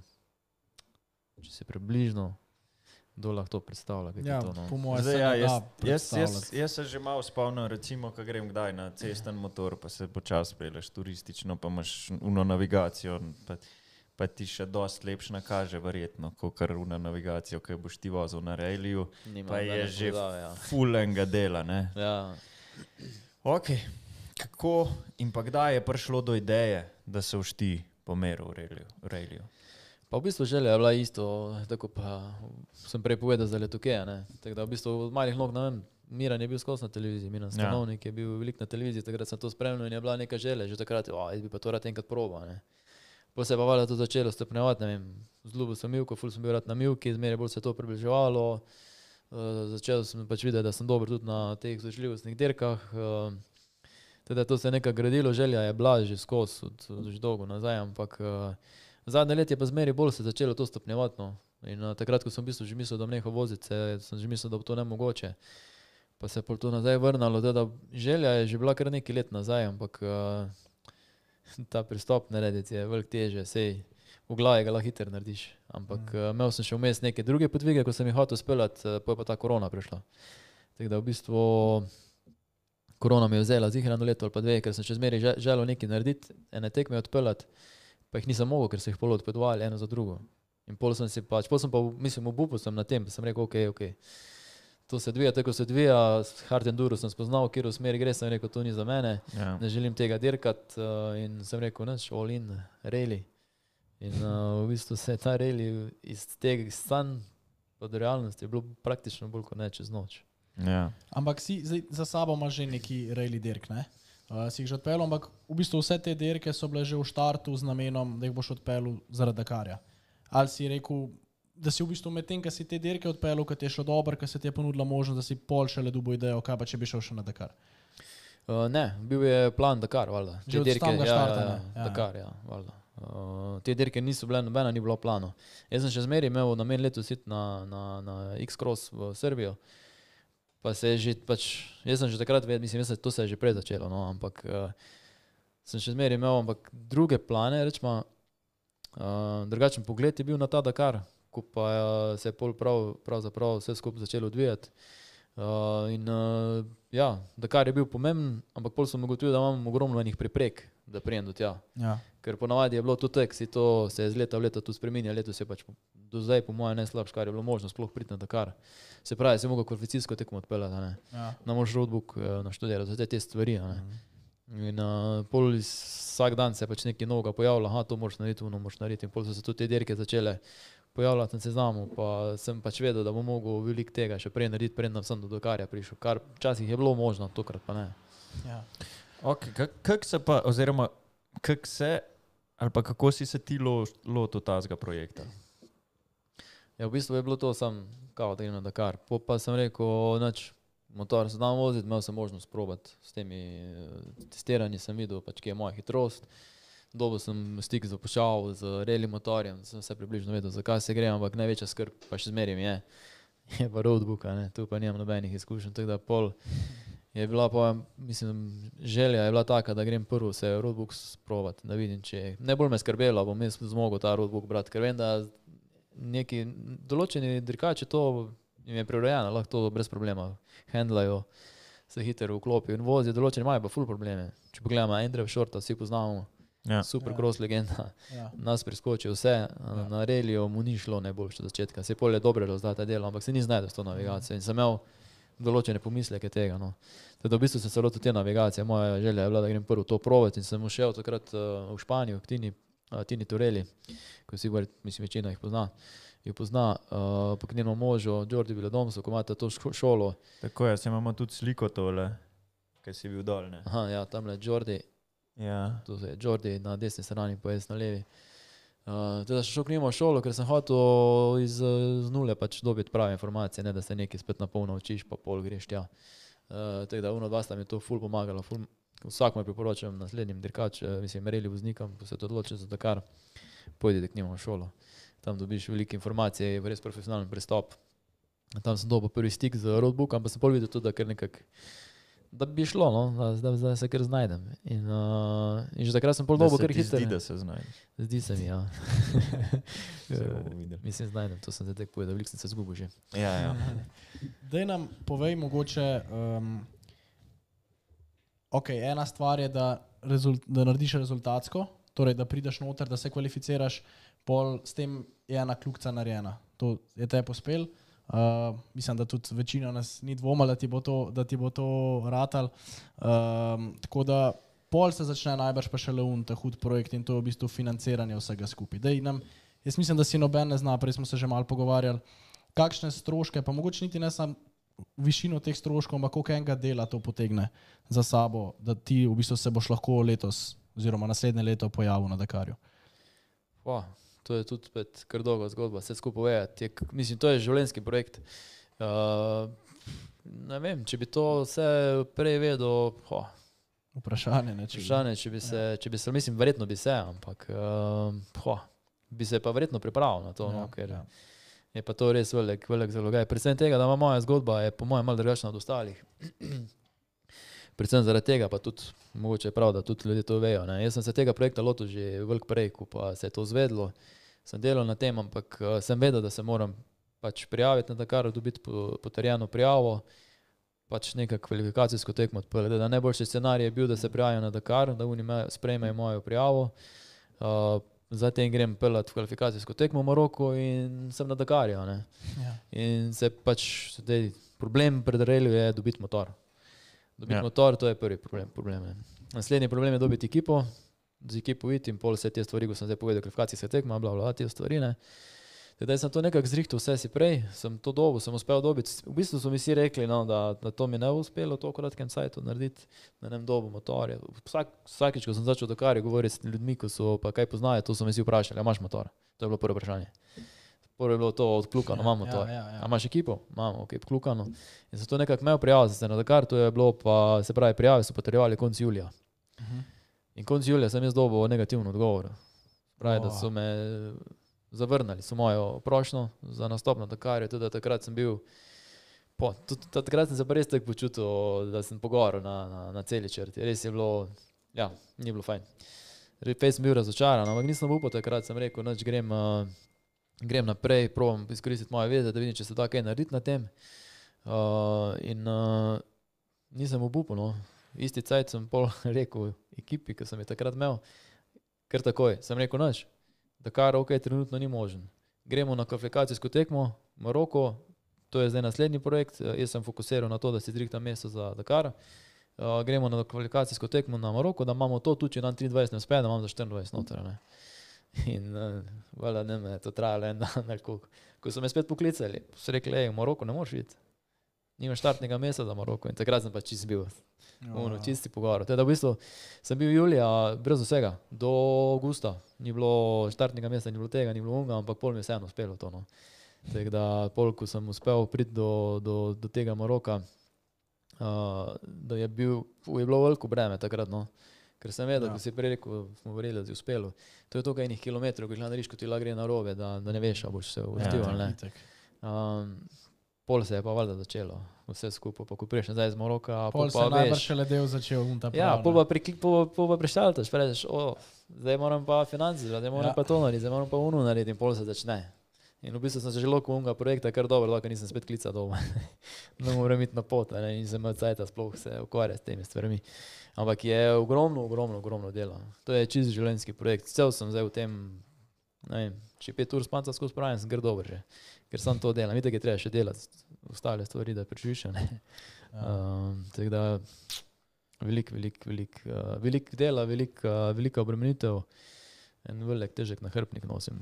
Sigurno. Ja. Ka, kašni pa so, če lahko poveš, ampak tudi se mi zdi, da ogromno vprašanj smo tudi dobili že o tem, uh, v neki okvirni številki, torej, da boš zdaj prišel ti z vsemi tekmami, torej Maroko, vse, kar si odpeljal že, torej, da si se kvalificiral, plus da kar v kakšni številki približno govorimo. Vem, da je težko točno povedati, ampak uh, se mi zdi, da to tudi ljudi po odzivih ful zanima. No. Da, da, vemo, da se ve, čem, kaj, kaj to res pomeni. Ja, v bistvu, tako si rekel, skupaj se štejemo Maroko, kvalifikacijsko tekmo, ki je pač, to je projekt, Dakar projekt, ja. se pravi Maroko kvalifikacijska tekma, pa sam Dakar je čez 100 tisoč evrov, bo vse skupaj stalo. Uh, vse to moraš pač poravnati. Jaz vem, da bo to, po mojem, bom tek rekel, če bi hotel iti, da, da ne razmišljaš o stroškah, da ne šparaš na stvarih, da je vse komod čez 110 tisoč evrov. Ja. Ni veliko. ja, to si zdaj malo presenetil. Ja. Se pravi, 100 jurjev. Ja. Je treba Vse skupaj, ja. verjetno kar nekaj še nabrati, ne? tako da začnite klikati. Ne? Če... Zdaj se, zdaj se, zdaj se le smijim, ja, ampak Ja. ja. šalke dosta ne. ja, ja, ja, ja. Ja. Zvečer bo spet težko zaspati, nekaj gre nazaj. Una. Ko začnejo hrčki delati. Ja, ja, ja, ja, vse jasno. Res je. Uh, kaj pa, če gremo, gremo zdaj nazaj še malo uh, k navigaciji? Torej, pri Žordiju v Viladomsu v bistvu so bili po, tvoji prvi stiki uh, v bistvu s šolo oziroma s navigacijo z roadbookom. Kako je to šolanje potekalo? V bistvu, tam, če prav razumem, tja si šel v bistvu prav z namenom roadbooka. Tako je. Kako to, kako to zgleda? Daj povej mi, ker si prvič videl tisti, kaj ti je bilo kaj jasen, ti ni bilo nič jasno. Kje? Ne, jaz tudi nisem več kaj pogledal preko. Neč, ono, čist zelen, zelen. Se prav spomnim, ko sem prvi vrsti sem mogel sedeti, takrat tako so se vsi vzati vzeli. Nas je nasilo sem pet, ampak bili Ja, tako. ja. prost- Ta bile še zmerno dve vrste. ne. Jaz se prav spomnim, ko me je takrat uh, vprašal, uh, se ne morem spomniti imena, uh, me vprašal, hej, pač, v bistvu je to, prvi del imaš, prvi dan imaš eh, sam te, teorijo, ti sam razlagajo stvari. Ja. ne. In vsi so bili že tam, so že imeli, so roadbook vozili, eni so že celo Dakar, tako takrat tekmovali, Cox je takrat že Dakar odpelo. In se prav spomnim, da me vpraša, ko smo prišli do enega tistega GPS-a, RTF-a, me on vpraša, uh, te gre, uh, tako da bo enega vprašal, ne, da bo en razložil, kaj gre piše. Pa jaz jih sam na mene. Uf, hej, Toni, dej, kaj pa vidiš te številke. Mm. Jaz sem rekel, ščite, niti ena številka ne vem, kaj pomeni, kaj sporoča. Tek je, tek je bil moj začetek. Uh, ampak pol sem v bistvu kar, uh, pa zmeraj ste tudi jaz rad, mislim, veliko lažje, hitreje se učim z, skozi prakso. No. Tako Ja. pol, ko smo se enkrat, prvi dan, če odkrito povem, ko smo bili na teoriji, sem mislil, oh, šit, kaj jaz tu delam, to ne Ja, bo šlo, ja. ni šans. Ampak sem se učil, pol tudi sem še šel pol skozi stvari zvečer sam.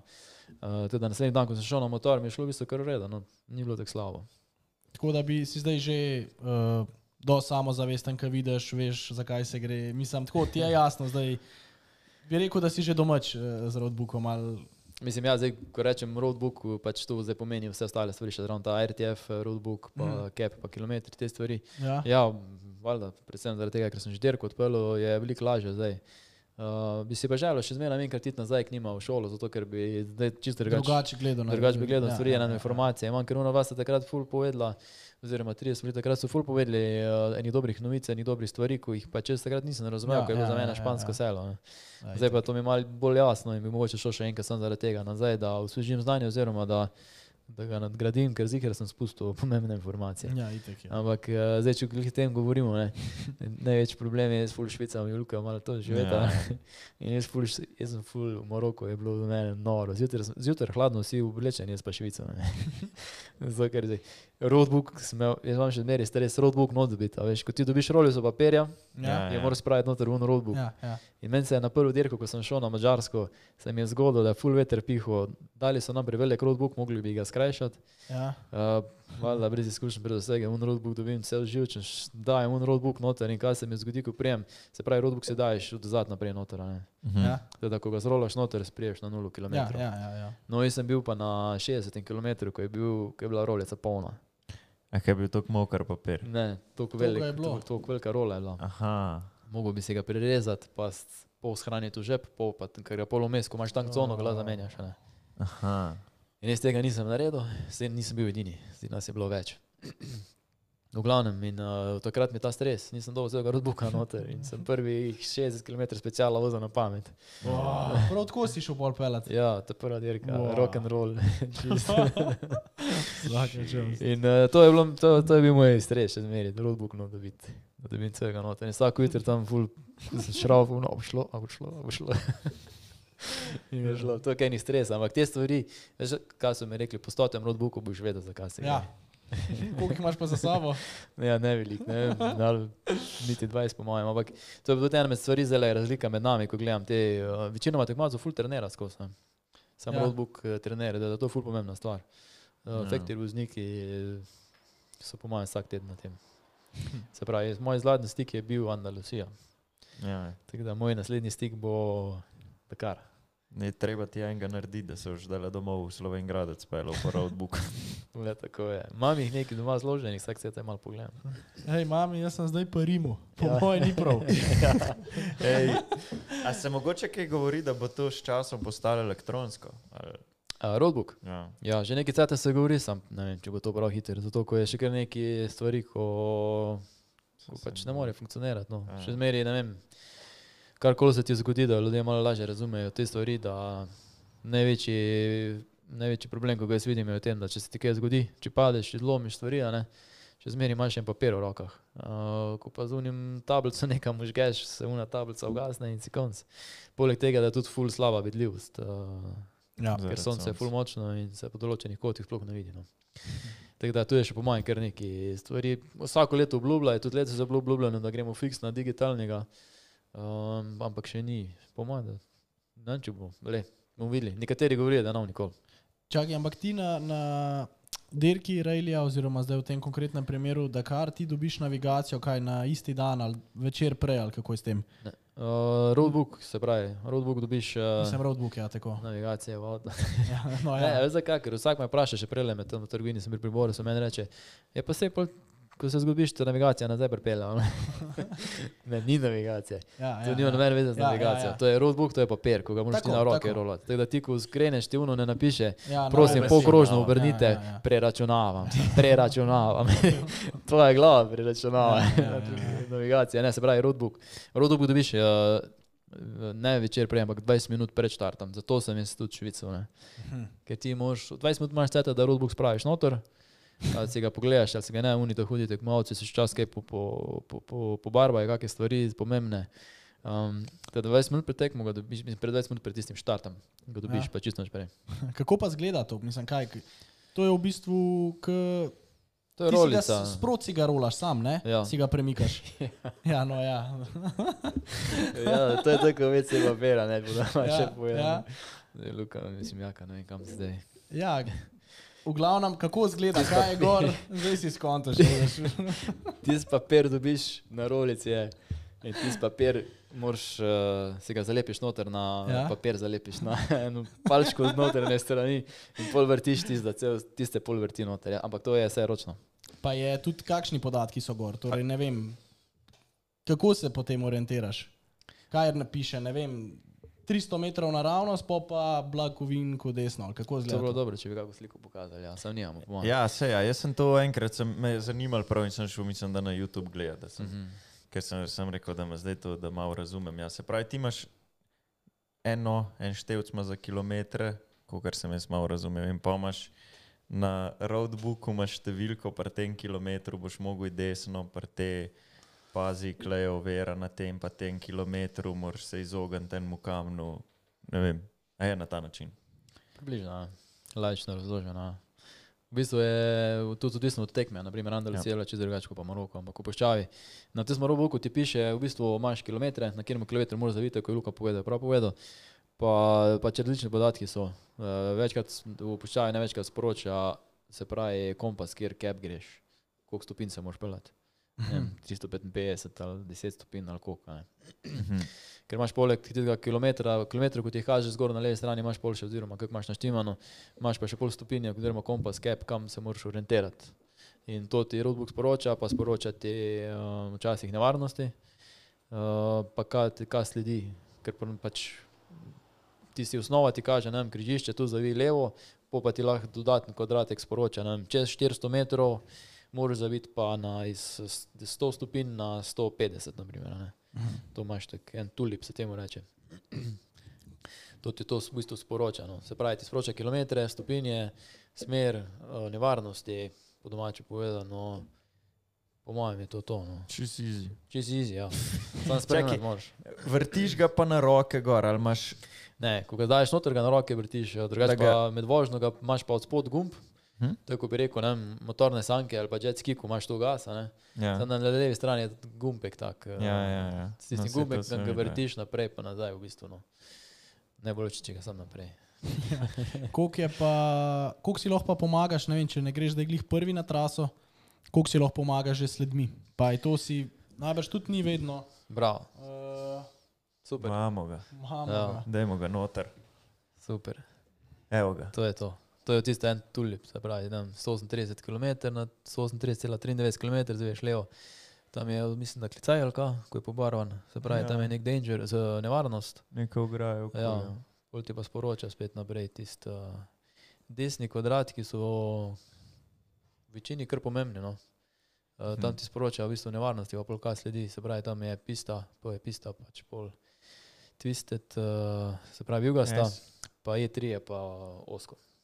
Zdaj, zdaj, tu so pa te stvari, ko, ko so pol naslednje stvari, ker so neke stvari so v angliščini, nekaj pa v francoščini in se zna zgoditi, da na enem roadbooku imaš eno stvar označeno v francoščini, na, na drugem notu bo pa, bo pa v angliščini. Da se moraš v bistvu malo zastopiti te stvari. No.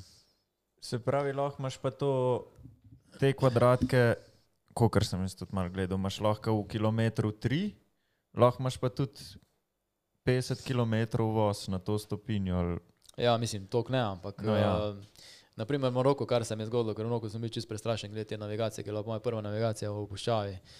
Uh, za- na te kepe voziti in takrat se mi je zgodilo, da je bila ena kontrolna točka, je bila skrita, te kontrolne točke so tudi, oziroma waypointi so označeni. Uh, in se mi je zgodilo, da si tisto kontrolno točko smo vsi imeli težave, da najde tisto točko. Ja. In bolj tisto točko, ko si najdel, je bilo pa ne vem, se pravi, da si mogel voziti na kompas na 10 ali 20 km. In ne vem, problem je tem, nisem bil zihar, da se prav pelem. Se to je. Ko Ja. sem pogledal, ko sem videl, da se moram 10 km peljati, da bom videl, a- sploh se pelemo prav smer ali ne, ko imaš pač neke orientacijske točke, pol si Ja, narediš. ja, ja. Uh, to so te stvari, da včasih je to na, na, na veliko distanco, včasih pa so tudi na 300 metrov, tudi na 150 metrov. So. Ja, ja, ja. Kaj pa to, kar prej sem uh, vprašal, koliko si je smiselno pomagati Aha, v ja, bistvu pardon. s prejšnjimi, že, če ne greš prvi, že sledmi. Če jih je Uh, več, če vidiš, da se je večina tam ja. pelala, Čisto tak je. V bistvu Maroko je bil tak, naprimer, ko so vsi zaradi rezultata, pa tega, ko se je veliko govorilo. Maroko je full velik tekmovalcev, pa tudi nasploh se mi zdi, da full veliko tekmovalcev vozi po špurah. uh -huh. Ko grejo vsi prav, grejo vsi prav, ni nobene panike. Takrat lahko sediš špurama, ne? Ja, Mislim, ja, slediš, ja, ja. če si bolj odzad. ja. Zmeraj se pa težava pojavi, ko prideš na točke, ko To je, je- je ful težko najti. In takrat, Aha. ko je neko točko težko najti, ali pa je neko križišče, se pravi, en je napako nek naredil, ne? en je udaril špuro. Ampak on ni nujno, da se prav ja, naredi. ja, ja, ja. In Ko priješ enkrat do te točke, pa začneš špurati, ki je ena leva, ena desna, ena naravnost in pol se moraš pa odločiti, Ja. ja. kjer špuro boš pelil. Tako da je kar fajn vedeti, da se voziti po špurah, se da. No. Pač tudi je odvisno, naprimer v Moroku je bilo velika, večkrat tega, da je bilo za dan dan je full veter pihu. In si prišel na mesto, ko, ko je veter spihal špure. ja, ja. In takrat, če ti, ti v bistvu špuri slediš, ti ne veš, kje si. In ti, ko pogledaš na roadbook, te spomen, ne veš, kje si. ja itak je. Ja, ne veš ja. niti na kaj se orientirati in tako naprej. Moraš sproti. Tako da je-. Da se voziti po šporah, se pa ti bo slejko prezgodilo, da se boš zgubil. Kaj pa, če se zgubiš, naprimer, ne vem, da je panika, da čisto zatavaš, ne veš več kam, kako. Moraš iti. Ne, ka, mislim, kako daš, uh, najbrž imaš nek uh, vsem uh, GPS, da te locirajo, da vejo, da je en knov pritisneš. Ne vem, si to predstavljam. Panika je, pomagajte mi, rešite me. Kako je to? Uh, v bistvu o tem sploh nisem razmišljal. Ja, se boljš, najbrž, da ne. ne, ampak uh, zdaj je odvisno, kako to misliš. Zdaj, če, se zgubiš, če se sam zgubiš, pa da se probaš nazaj najti, oziroma da se želiš nazaj najti, ja, se pač probaš vrniti na ono točko, kjer si se zgubil. A ne. Kar ja. pa zna biti upoščavi problem. ja, se Ko to, se ja. enkrat okrog obrneš, ko so vse cepine iste, ja. Ja. sploh če ni velik špur, ne veš, odkje si se pripeljal. Mm. To se ne večkrat zgodi. Tako da v bistvu se probaš najti nazaj, zdaj, če se pa res zgubiš, zgubiš, pol pa obstajajo. Mislim, da smo varovani z vsemi temi uh, safety equipment, tako da imaš možnost, da izstopiš iz dirke, imaš možnost, da pokličeš organizatorja, karkoli. No. Mhm. Ampak ni zdaj to, da boš poklical organizatorja, ej, kam se moram zdaj speljati. Ja, ti bom ja, rekel, ja, tako, ja, ne. ja. Ne, pa Pol načeloma si avto, konec, res, ja, ja, ja. Tako da, če zgubo, zgubo, po mojem, da se še ni nobene. Mislim, se zgodi tudi to. So vse najdel do zdaj. ne? So se tudi dogajale, že te stvari. Ja. Ja, itak je. Sej, mislim, glede na to, kako ti izgleda v napuščavati, kako si opisal, mene čudi, da se jih ni več. Kakor Ja, je. Je tako vse. Problem, okay. problem je, da ko se enkrat čist zgubiš, pa da te mal panika zahvati. To, je, to, to, ja. To. to se mi je enkrat zgodilo, ker nisem ene, na, na treningu je bilo sicer to, ampak sem iskal eno točko, Rodbuk mi je kazal, da se moram nekam pelati, da mu lažje razložim, tistega jaz nisem najdel. Ja. In sem se trikrat vrnil nazaj na isto točko, kjer sem, sk- Ja. kjer sem vedel, kje sem. Ampak Ja. ja. ko sem se, jaz ne vem, primer, res se ne spomnim, ko sem se četrtič nazaj tja vrnil, sem bil tako zgubljen, ker nisem najdel une točke, da sem si rekel, zdaj pa pojdi še en korak nazaj, se pravi še eno križišče nazaj. Mm. In sem jaz začel gledati levo, desno. Odkje sem jaz prišel. In nisem vedel, odkje sem prišel. Enostavno sem bil čisto zgubljen. Za pol mogo čisto se moraš umeriti, zbrati misli, pa pol ok. Ampak to je ful težko, ko si med dirko, Ja, ja, panika. Je zanimivo.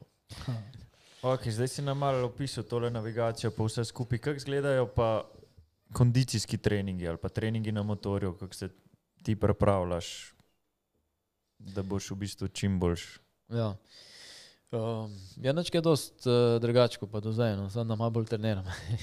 v bistvu je sama razlika v tem, da zdaj le me face matra to, da, da časovno ful težko slediti stvari, no, da spuščam. Ja. Ja. Večkrat spustim trening, zato ker moram sponzorsko obveznost narediti, oziroma iščem finance. Uh, tako da v bistvu že treningi, ko sem jih prej imel, so bili kar v redu, so bili dokaj zahtevni. Največ mi pa valjda koristi to, ko sem uh, veliko na testiranjih, veliko na motorju. Um, tako da po mojem je to dosta največja stvar, ko mi prinese uh, nek ta plus, pa za te stvari je hard enduro kar dober. No. Dolgo, na motorju si dolgo, dolgo traja. Tako da to po mojem tista, v bistvu no, zadnje lete, zadnje lete že kar velik treniral. Mm. Kako je pa sami motorjem? Zdaj vidimo, da je tudi pač motor, bomo zdaj tudi eno sliko videli, je v bistvu čist specifičen. ne. Uh, Ja. Kako je? Tudi vidimo, da je pač čist prilagojen glede na te dirke. To, je, to ni niti osnova cross motorja, to je čist specifičen motor. Kako je? Uh, zdaj te motorje, ki jih vidimo tam na sliki, to so te motorje, ki jih zdaj lahko kupijo. Odvisno od proizvajalca, naprimer, je tega, da lahko samo od KTM, KTM uh, Husqvarna gas, gas, kot vsi vemo, da je pod isto streho. Mhm. Od njih se da kupiti samo motorje za navadne smrtnike, za nas. Tako da v bistvu te motorje so kar različni od uh, cross motorja, naprimer, medtem ko naprimer Honda ima osnovo pa kar uh, v face podobno cross motorju. Ampak tega motorja nažalost ne moreš kupiti, se pravi, samo če si v njihovi ekipi lahko tekmuješ s tem motorjem. Ta motor ima pa drugačen ukvir. Uh, mašina sicer je ista, malo je prilagojena, ampak ukvir je, mašina rečemo, da je ista. No. Neki komponenti so isti, ampak vse ostalo je pa prilagojeno. Za hitrost, za težo, za vse te stvari. Aha, ok. Se pravi, teži, koliko, koliko je to teži? Zdaj, če damo, ajde, 30 litrov, smo rekla, Ja, rečemo poprečju 50 kg. teži od nižjega Ja. ja. cross motorja. Ja. Kol 150, 160, 100 Ja. vrti. Odvisno od motorja, pa od goriva in vsega. Kaj pa uprema? Uh, tudi uprema nista, ne vem, kaj za kros. Uh, vidimo že, smo videli tudi na prejšnji sliki, imaš v bistvu tak poseben jacket. Kako je, kaj je v bistvu isto, kar pri krosu, pa kaj je čist drugače? Kako si v bistvu na, napravlja na eni taki dirki? Ja, zdaj lahko vidimo, da komovci so malo belo jačani, kot na kakšnem motokrosu, ne tudi rame, malo več teče z rame zdaj. Kje, to sem sam natreniral. A, jaz isto, ja. To so ščitniki. Ja. Zdaj ne vem, unijo, ki me malo poznate, vedete, da jaz ne morem nositi ščitnikov. Da, to je največji problem pri meni. Tudi pri krosu sem v bistvu nosil sam ščitnik spredi, pa zadnji, sam zaradi tistega kamenja, ko ga dobiš, oziroma od zemlje. Ja. Ja.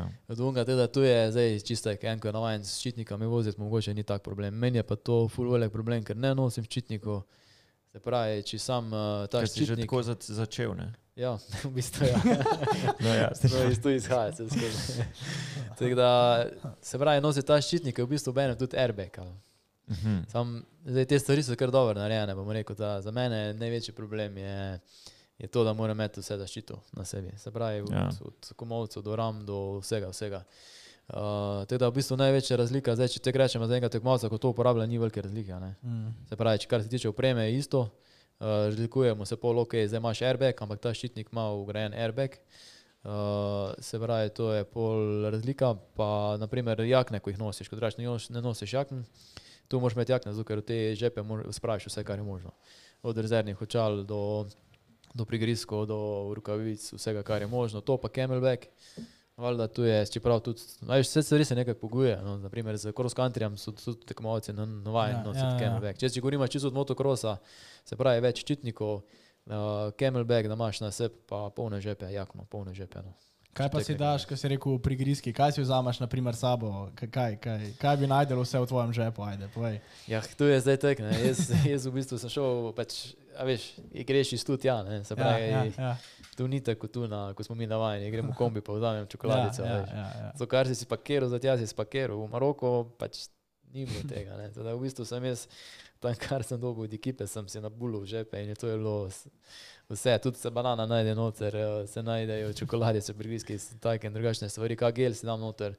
Takrat sem si vse dal, no, ker pač takrat sem bil, nisem vedel, v bistvu, kako pa kaj. No. Predvsem pa spraviti hrano, tisto, ko jo rabiš na, na Dakar ali pa na en Maroko. Naprimer, no. Ja, ja. Zdaj, zanimivo mi je, prej smo bili govorili ne, za camelback. Ja. Zdaj ti imaš pijačo s sabo, ne? Ja. ampak te je strah pit. Ne? Zakaj je to? Ja, v bistvu zaradi tega, ker če te rečem, zjutraj imaš transferje dolge, Ja? uh, včasih pač imaš sicer čakalne dobe. In uh, valjda si pač že in si želiš nekaj spiti. Ne? Sam problem je, če preveč piješ, je pol, ko se enkrat sam special šta, uh, začne.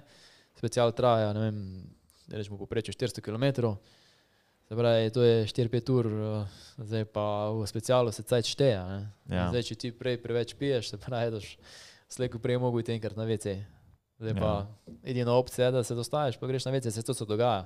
Ja. Eh, Tudi se uporabljajo taki kondomi, Ja. so cevko, ko si lahko to naštimaš, da če si to sposoben narediti. Je Druga stvar, ne? Ja, ja. Uh, to je opcija, drugače se moraš postaviti, pa razen če so še hlačeni. Uh, teda se moraš polostaviti, izgubljaš stajati s tem. Da le greš na WC, kakršen koli. S- Se pravi, jaz si zdaj predstavljam, pele se 130 v eni ravnini, ki ni niti tako hitrne. Gledaš v ne stopinje, kilometre in se še koncentriraš, da boš cav tisto. Ne? Ja. Jaz tega ne Z uporabljam. in- lahkoto, mislim, zakaj tega pa ne. Po pa Ne, se to še je. spomniš, pri 150, ne? Ja. Fak, pozabil sem skret papir spojil. Kaj Ej. pa pol? No, to je ena iz zanimivih stvari, da tekmovalci nosijo tudi večji papir s sabo. v njih jaknah. Ja, ker Ja, saj ja. itak A je. veš, ti ko priješ na Ja. special, special se začne pa navadi sred puščave in v puščavi, ko si, kje je Dixi, njega. Ja, A veš, mi ja. imamo probleme od Dixija hoditi na, na Ja. teh dirkah. Ja, zdaj ga No. znaš cent, ne? Tako, Se to je, zanimivo, na kaj vse moraš gruntati. ne. ja, res je. Čist drugačne dimenzije. Oh, shit. Fuck. Uh, če gremo zdaj še malo nazaj prav uh, na te, zdaj smo v, pred kratkim, v bistvu v zadnjem času smo, smo z velikim veseljem spremljali tvoje socialna omrežja. Tako kot smo že prej povedali, udeležil si se v bistvu dveh. Čez prav, če imamo te prave podatke, je bilo to na mačarskem svetovno prvenstvo celo. Ja. In si osvojil prvo mesto, Ja. uh, potem pa še Rejli Derka na Hrvaškem, je bilo pa evropsko. In tudi, tudi, tam ja. si, tudi tam si zmagal, ja. ampak po teh dveh dirkah ti mesto še ni bilo zagotovljeno na Dakar, kot smo prej rekli, in si se mogel v bistvu odpraviti pol, uh, še v Maroko. Ja. Um, si pa ta Maroko v bistvu kar odpravil, odpravil z odliko. Ne? Kot uh, Ruki v bistvu si zaključil na devetem mestu, kategorije Rally 2, pa nam mogoče lahko kle poveš še malo o kategorijah. Kako grejo te kategorije, pa tudi malo navežeš še na Dakar, uh, v kateri kategoriji boš tam vozil, pa koliko sploh je teh kategorij, da si znamo malo bolj predstavljati. Ja, v bistvu so tiste ta pomembne, rečemo, vse ko jaz vem za njih, vem, da so še pol veterani, pa neke druge stvari, ampak so tri kategorije. Se pravi, če štartamo, če malo razdelim dve kategoriji, ko se pol še ta druga se razdeli na dve. Se pravi, ta prva kategorija je to, kar Simon Marčič vozi. Uh, se pravi, to je ekipa, ko voziš brez pomoči ekipe, se pravi, si sam odvisen od samo sebe, sam moraš motor popravljati, uh, sam Ja. moraš skrbeti za dele, to je ena, to je ena kategorija. Ko je Simon vozi, pol imamo pa naslednja kategorija, je pa to, ko se reče svetovno prvenstvo, mislim, svetovni, mislim, svetovno prvenstvo, ko je ta, ta huda ekipa, ko so vsi to hudi tekmovalci, te pa tekmujejo z ekipo in tu moraš imeti ekipo, da lahko tekmuješ v tej kategoriji. Uh, se pravi, to so te tekmovalci, ko imajo rumene številke, pa bele. Uh, Simon ima rdečo, to je male, Ja. moto, male moto kategorija. Ja. Oni so rdeči, se pravi, ta, ta huda, se pravi, če gremo nekaj po klasah. To so ta rdeči, pol so te ta rumeni, ko so z ekipami, to so te Ja. tekmovalci, ko so pol zabeležili kot zmagovalci Dakarja. Pol pa je še Reli 2. Mhm. Reli 2 bom pa jaz vozil, tu imamo pa eh, bele številke. Ja. In to si v bistvu nekak, ne, nek ruki, se pravi, tu moraš nek rezultat doseči, da lahko prideš do te rumene številke. Ja, ja, ja, ja. Ampak mi, naprimer, razlika zdaj je generalno gledana med nami samo, se pravi med rdečimi, pa eh, rumenimi, pa belimi. Ker mi smo, Ja, ja, ja, vsi, ja, ja, vsi ja. ja. vozimo isto traso, ja. ampak točkujemo se pa posebej. Se pravi, imaš generalno, generalno točkovanje, ko so vse, vsi kategorije združene, Ja? pol se pa sam še razdelijo na te tri dele, se pravi na Reli GP, Reli 2. Ampak naprimer za, za Maroko smo bili zmeri, pa za Andalusijo je bilo zmeri vse na enem papirju. Se pravi, da imaš ja, ja, ja. rezultate združene z rumenimi pa belimi, če jih tako eh, poimenujem, da bo lažje ljudje razumeli. Uh, pol se pač tako neformalno se pa pol razdelijo še na, na reli GP, ja. so rumene, pa reli 2, bele, to kar bom jaz. Ok, pol vemo, na, da moramo biti na bele uh, ciferplace, mislim, po, pozorni na unih highlightih, ki bomo spremljali. Tako, tako. Uh, čaki, po Maroku si dobil pa karizmatik Hofna. Pa Se Uh, lahko se še malo tega Maroka dotaknemo. Dej, kako je bilo? Kako je bil zdaj ta Maroko? Zdaj, od, okay, odlično si se odrezal, deveto mesto v kategoriji Rally 2. Ja. Ne vem, meni se to sliši odlično, jaz nimam toliko izkušenj, mislim, nisem toliko spremljal tega, da kar je prej. Poznam vse te ta prve, imam na Instagramu tam, tam, tam. Ja. Ampak ja, to se meni sliši super, sploh ko gledam to, razlike do teh prvih spet niso, ne vem kakšne. Sploh glede na to, da si rukine. Pa kakšna je bila ta tvoja izkušnja, Maroko, se pravi, Sipine, vse skupaj? Ja, v bistvu me je bilo ful strah, Maroko, zato ker je to moja prva poščalska dirka, ampak uh, strah iz razloga zaradi navigacije. Ja. ker me je bilo ful strah, da sem izgubil, pa da bom ful ceta izgubil za te stvari. Uh, tako da, v bistvu je bilo pa pol na koncu to, da sem ugotovil, da jaz sem še zmeri tudi vse, tudi Andalusijo, pol, ko sem šel pelat, je moja želja, da se naučim roadbook voziti, da postanem dober tekmovalec. Ja. Ker tam sem v bistvu v Maroku pol ugotovil pred koncem dirke, da jih ful ful na špure vozi. Ja, ja. In ker smo prišli na eno malo bolj težko navigacijo, so bili vsi izgubljeni. In sem pol v bistvu videl, da se je dalo skozi špure, če jih voziš, so delali ful dobre rezultate in tega je bilo ogromno. Ja. ja. Ampak moja želja je bila glih to, kar sem povedal in tu sem se pol na koncu tako malo neumno počutil, ko sem vedel, da se da ful dober rezultat, bi lahko naredil, ampak ja bi mogel. jaz sem se šel učitno. Uh, tega, tega podnaslednja stvar je bila pa hitrost, ko nisem bil navaden. Nisem bil, v bistvu je bilo po mojem prvič, da smo zapeljali, se reče, na te posušena jezera. Na te posušena jezera, ko zapeleš, a to je ok, ko si na posušenem, jezeru, je nekako eh, ravnina začrtana, ja. ko gledaš v ameriške filme, ko oni hitrost, Ja, rekordne, ja. hit- Ja, rekorde ja, ja, postavljajo ja, ja. hitrosti. Teda tam približno veš, da naj ne bi bilo nekega kamna ali pa neke luknje. Uh, drugače je bil največji tak, š- mislim, šok, če rečem, tak presenečenje je bilo to, da smo po unih kamnih žgali na polno. Koliko je pač un motor leta in se spomnim, da smo tam bili en cajt, ko smo bili kar prešalteni un gasu na 160, 170 je skozi šlo po kamnih pa po cestah, pa to se skozi malo dviga, spušča. Uh, da, da te stvari so naprimer mi bile čist tak. Predvsem pa pol naslednja stvar je to, da si šel po unih kamnih, ko, ne vem, če vam tako rečem, da ko bi ga videl, bi z motocross motorjem padel, tam Ja. ga pa na 140, 150 pač pozo, ne, pa si šel. To je bilo tisto, ko je bilo prvo, čekal motor to zdržal. ne. Uh, te stvari pa na uni mil, mislim, na uni poslušajnem jezeru je bila pa hitrost ogromna, tam si se skril za bilanco, pa si šel. Tam sem se pol probo v bistvu z eno roko, da sem dal eno roko stran, da sem sam na eno roko ga zdržal, ker sem predobil 4 km na uro. Pol. Da Zak- pol bil Zakaj? zaradi Upora. Manj je bilo zračnega upora in sem pol še Wow. 4 km predobil na uro in sem se pel Zakaj nisi 140. to na letukaju naredil? Ja, se to je. Zato, ker ne razumemo, Ja, tek del. Ja. Se- Eh, Tako da te hitrosti, no, hitrosti so bile zanimive, navigacija, valjda, jaz sem ta prvi dni sem imel kar, mislim, težave. Za enega ruke ni bilo velika, ne, pol sem v bistvu ugotovil, drugi dan sem gledal enega za mano, ko se skozi vozi, pa, pa tek drugič malo pogledam, pa sem videl, da je to en model, ko vozi male moto, zdaj vozi med tri. Ja.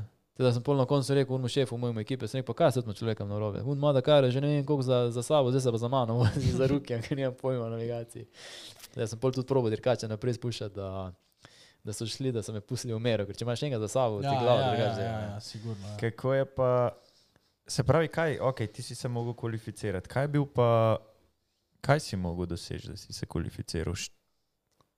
Kaj je mejnik ali karkoli? Ja, to moram še Davida poklicati pa ga vprašati, ko še danes ne vem. Aha, Pač meni je bilo rečeno, pojdi na dirko, odpelje dobro, brez nekih neumnosti eh, in se boš kvalificiral na Dakar. Bilo. Jaz Ni to vedel. črno na belem napisan, ta pa ta rezultat od tega mesta naprej na tej dirki Ne. in si noter. Ne. To je problem tega, da tudi ko se prijavljaš na Dakar, niso napisani pogoji. Mhm. Pač ti poštaš, ja upaš, ok, piše, da moraš uh, odpeljati dirko v pošavi, to piše. Ne? Ja, Ampak ja, to pa ja. vse. ostali pogoji pa niso. Ne. In zdaj, če te rečem, lani je bilo 160 tekmovcev, se pravi 60 tekmovcev, viš kaj, letos so vsi bili v puščavi že, če so lani Dakar odpeljali letek. Ja. No, pa se pa en mulec pojavi, ko ni bil nikoli na Dakarju, kaj bo prišel noter. Če je 60 tekmovcev že pred njim, zdaj kje Ja, so te kriteriji. Ja, ja, ja. Tako da to je danes, če me kdo vpraša, prav ne znam odgovoriti tega. Zanimivo. No, ja, po vrnitvi z Maroka, klic z Mati Hofna, ne, tako kot si že prej parkrat omenil. Ampak ja, ta je bil pa še malo bolj zanimiv na preizkušnjo, si se odpravil kar za Factory, gazga, z ekipo, lega, lega, lega. Povej nam, kako se je to zgodilo, pa V Ja. bistvu, v bistvu, ko sem šel iz Maroka, eh, nisem imel letalske karte in sem mogel dati predlago. Valjda sem dal predlago. Mislim, opcija je bila pol, da letim direktno let naslednjo jutro, ampak brez predlage. Zdaj pa dve torbe, kam zdaj s tem. ali? In sem pol Factory ekipo prosil, če mi lahko unim, pač v Matih Oven zapeljejo uh, predlago in smo to zrihtali, jaz sem šel na letalo. Pridem domov, pa, pa ne čez par dni me kličejo, oni je, a si, kao, neki so imeli, mislim, tek na hitro, neki so v letalskih kartah mi je nekaj govoril. Pa pol, ko sem jaz njemu govoril, da sem jaz doma, da je vse v redu, da smo se zrihtali, on mi govoril o letalskih kartah. Pa sem si rekel, ej, ne zastopim, zdaj pa ne vem, zakaj govorimo. Ja, pa imaš karto? Kako karto, če sem že doma? Ja, a ne greš v četrtek v Španijo? Ja, ne, ne. Ka, kako Španijo, nič mi ni bilo jasno. v glavnem. In uh, pol so rekli, ja, če grem za njih pelati. In uh, v bistvu sem imel praktično samo en dan cajta, koliko dan pa pol, da sem se odločil, pa spakiral stvari, pa šel, ker problem je bil ten, da sem bil prej skoraj 20 dni na poti. a ne. Zdaj pač doma imam nekaj dela, tako da je bilo treba delo za nazaj narediti, pa, pa ko te pokličeš, še moraš pa za naprej splanirati. Teda v bistvu sem imel ful malo cajta, da sem se odločil za to. Uh, teda v bistvu se pa nisem pol čist prepustil temu, vedel sem pač, zakaj se gre, ne. ampak se nisem čist prepustil temu, tem noriji, če lahko rečem, valjda factory voznik, to je pač sanje verjetno vsakega, ne vem, tekmovalca, in, uh, ampak s tem pride tudi valjda do breme, ne. Ker što si bil ten, da ko sem bil na telefonu z nekom, se ne spomnim, s kom sem se takrat menil, nekaj sem se pogovarjal, sem nisem že vedel, da grem tja za factory, ki povoziti, Ja. ja. so objavili štartno listo. In na štartni listi je pisalo Tuni Mulec, eh, Factory, mislim, da je bil kaj tem prvo napisan. In isto sekundo je bilo to objavljeno, sem sporočilo, da če dobivati. Jaz sem gledal telefon, kaj, kaj se dogaja, nekaj je narobe. In to še lepo upošteko. Da so vsi videli, da sem napisan po Factory ekipu in valjda pol se to zgrne nad tebe. In uh, se prav spomnim tudi, ko sem prišel v Andalusijo, ko smo prišli tja v Pedo, ko je bil motor noter razložen, tam najlepke gere, uh, poglede drugih tekmovcev. Zdaj, če se zamislite, da sem Ja. šel na eno reli tekmo, oni tam so skačejo okrog ekipe, že ne vem koliko cajta. In pol prijem jaz in že na drugi dirki kar pod uh, šatorom. In Sem mislil, da me, bojo, da me bojo pojedli tam na uni dirki. In zitak je bolj pol full blow enega pressinga na mene. No. Ja, Ampak se ja. sem pol probo to nekako. Uh, Odmisliti. ja, te stvari. no ja, in to ti tudi odlično ratelj, ne. Uh, ja, ne vem, če je glih no, Ja. na koncu. Etapno zmago si prenesel, da ne? Tam sem pa kar veliko kazni dober. Ja, da- se pravi, ja, težave v tretjem dnevu, ne. V bistvu, ja, tretji dnev, to so te nova pravila, ko so se zdaj pojavila, se pravi, da te, uh, na, oziroma hitrosti, če rečemo na tako lajčno razloženo. Se pravi, vsakeč, ko narediš napako, ko dobiš nek penal, uh, se zdaj seštevajo, pa pol se začnejo množiti. ne. In jaz sem imel problem, da sem naredil že prej dva, ne, se pravi, že tri napake, za dve se odkrito čisto ne spomnim, kje sem jih naredil, približno ne vem, ampak ta druge dve pa vem, da sem čisto falil te speed zone. Uh, tam se moraš peljati po umitvi in ti sem falil in uh, dobiš kazen. To je to. In ta četrta kazen, ko je bila, je bila v uh, safety zone, se pravi nekaj z varnostjo povezano, s- se pravi trojni, troj, trojna nevarnost, to, to je naj, naj, najvišja ja. nevarnost. Ja. In tisti je bilo 6 minut, ampak ker je bila četrta, je bilo 6 krat 4. Mm. Ah. A to je tudi na Dakarju, je, so iste, isto se, tako, Ja. iste kazni, isti Mm. mm. način. Največji problem je letos to, da so umili top speed, se pravi top speed ne gre več kot 160. Ne smeš se Aha. peljati več kot 160. Gre pa motor, lahko bi se več Ja, valjda, ja, moj motor je šel takrat 174, če sem dal roko stran, drugače 169. Zdaj mogoče neumno vprašanje, ful, uh, ni to tempomata, pa teh stvari, če imaš dolgo, to moraš ti vse z gasom. Ja, ja, vse zgasom. Uh, ne vem. Za lažjo predstavo se probaj peljati z avtom ali pa z avtom je ful lahko na koncu, ampak motorjem, ko si na cesti, se peljati konstantno, 160, ja. probaj peljati 160.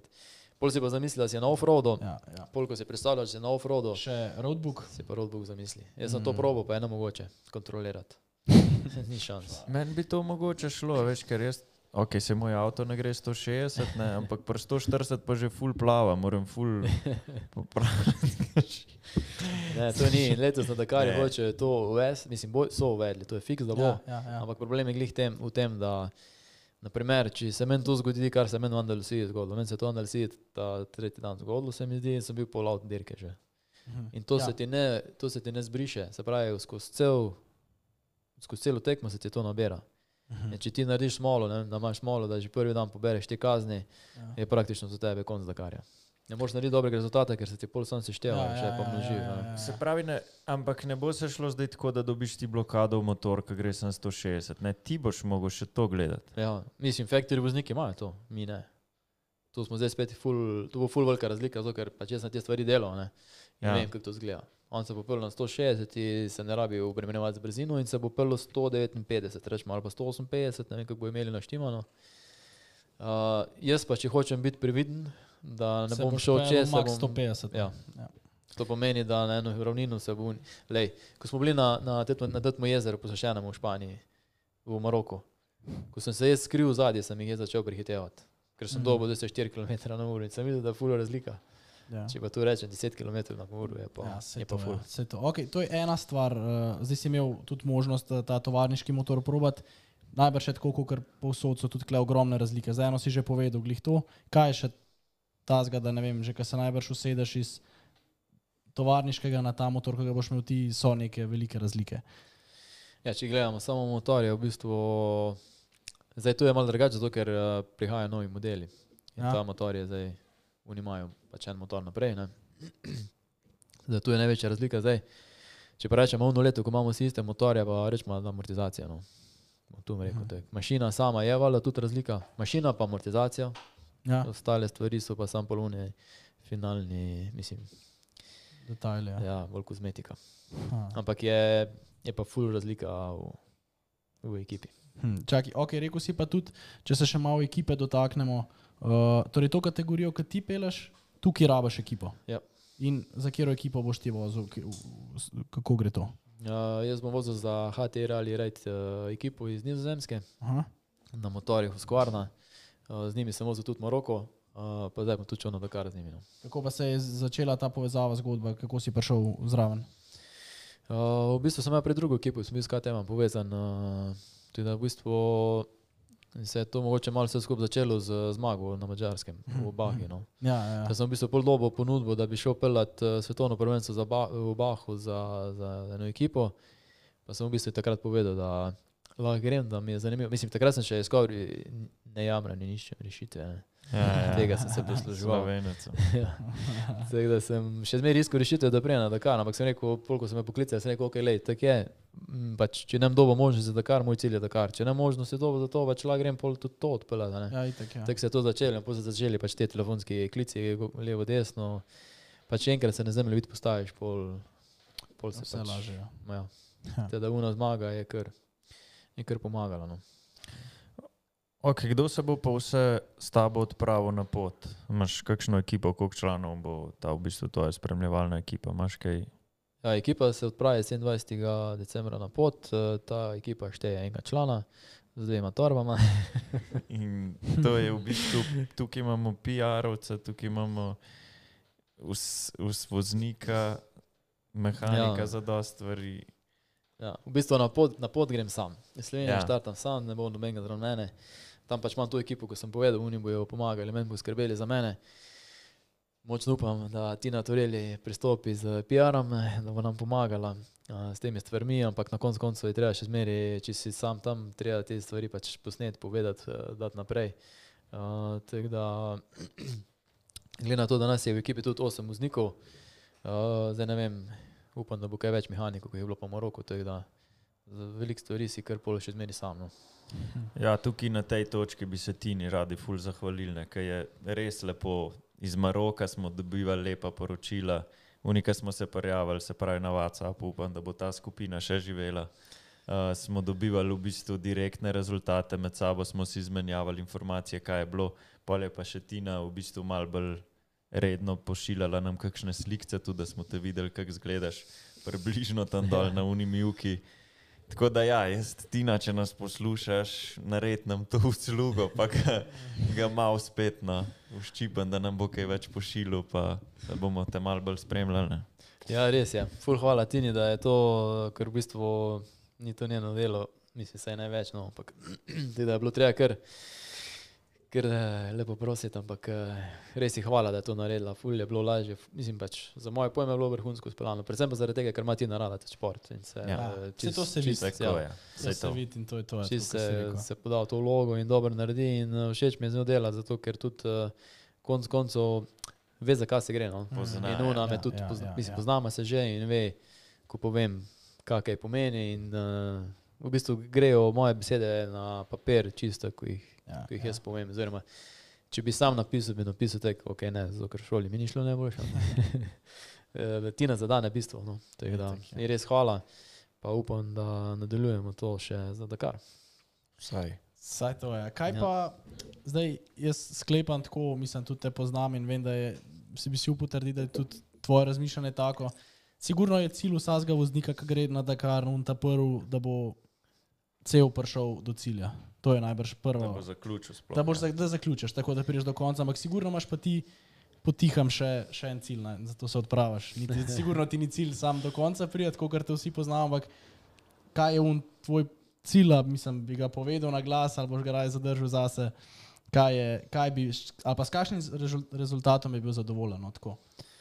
Ja, v bistvu se drugače naučiš razmišljati, kot sem že prej povedal. Ne. ja. Teda moj cilj je zaključiti Dakar. Jaz vem, po drugi strani. Ne. Si pa dirkač, no, mislim. Ampak ti moram povedati, da v Maroku, v Maroku sem, sem pač ja, Si spustil gas malo. ja velikrat, velikrat. In glih včeraj mi je pisal en izmed dirkačev, ko sem v nosniku objavil iz uh, Linjana, ko skočim. Ja? ko sem bil v zraku, pa mi mu napiše, hej, a se spomniš unega momenta, če ne bi takrat bremzali, bi to tako izgledalo, je scary moment. In uh, takrat sem jaz, uh, to bom samo na hitro poprobil povedati, bil sem v dirki in sem hotel dirkati.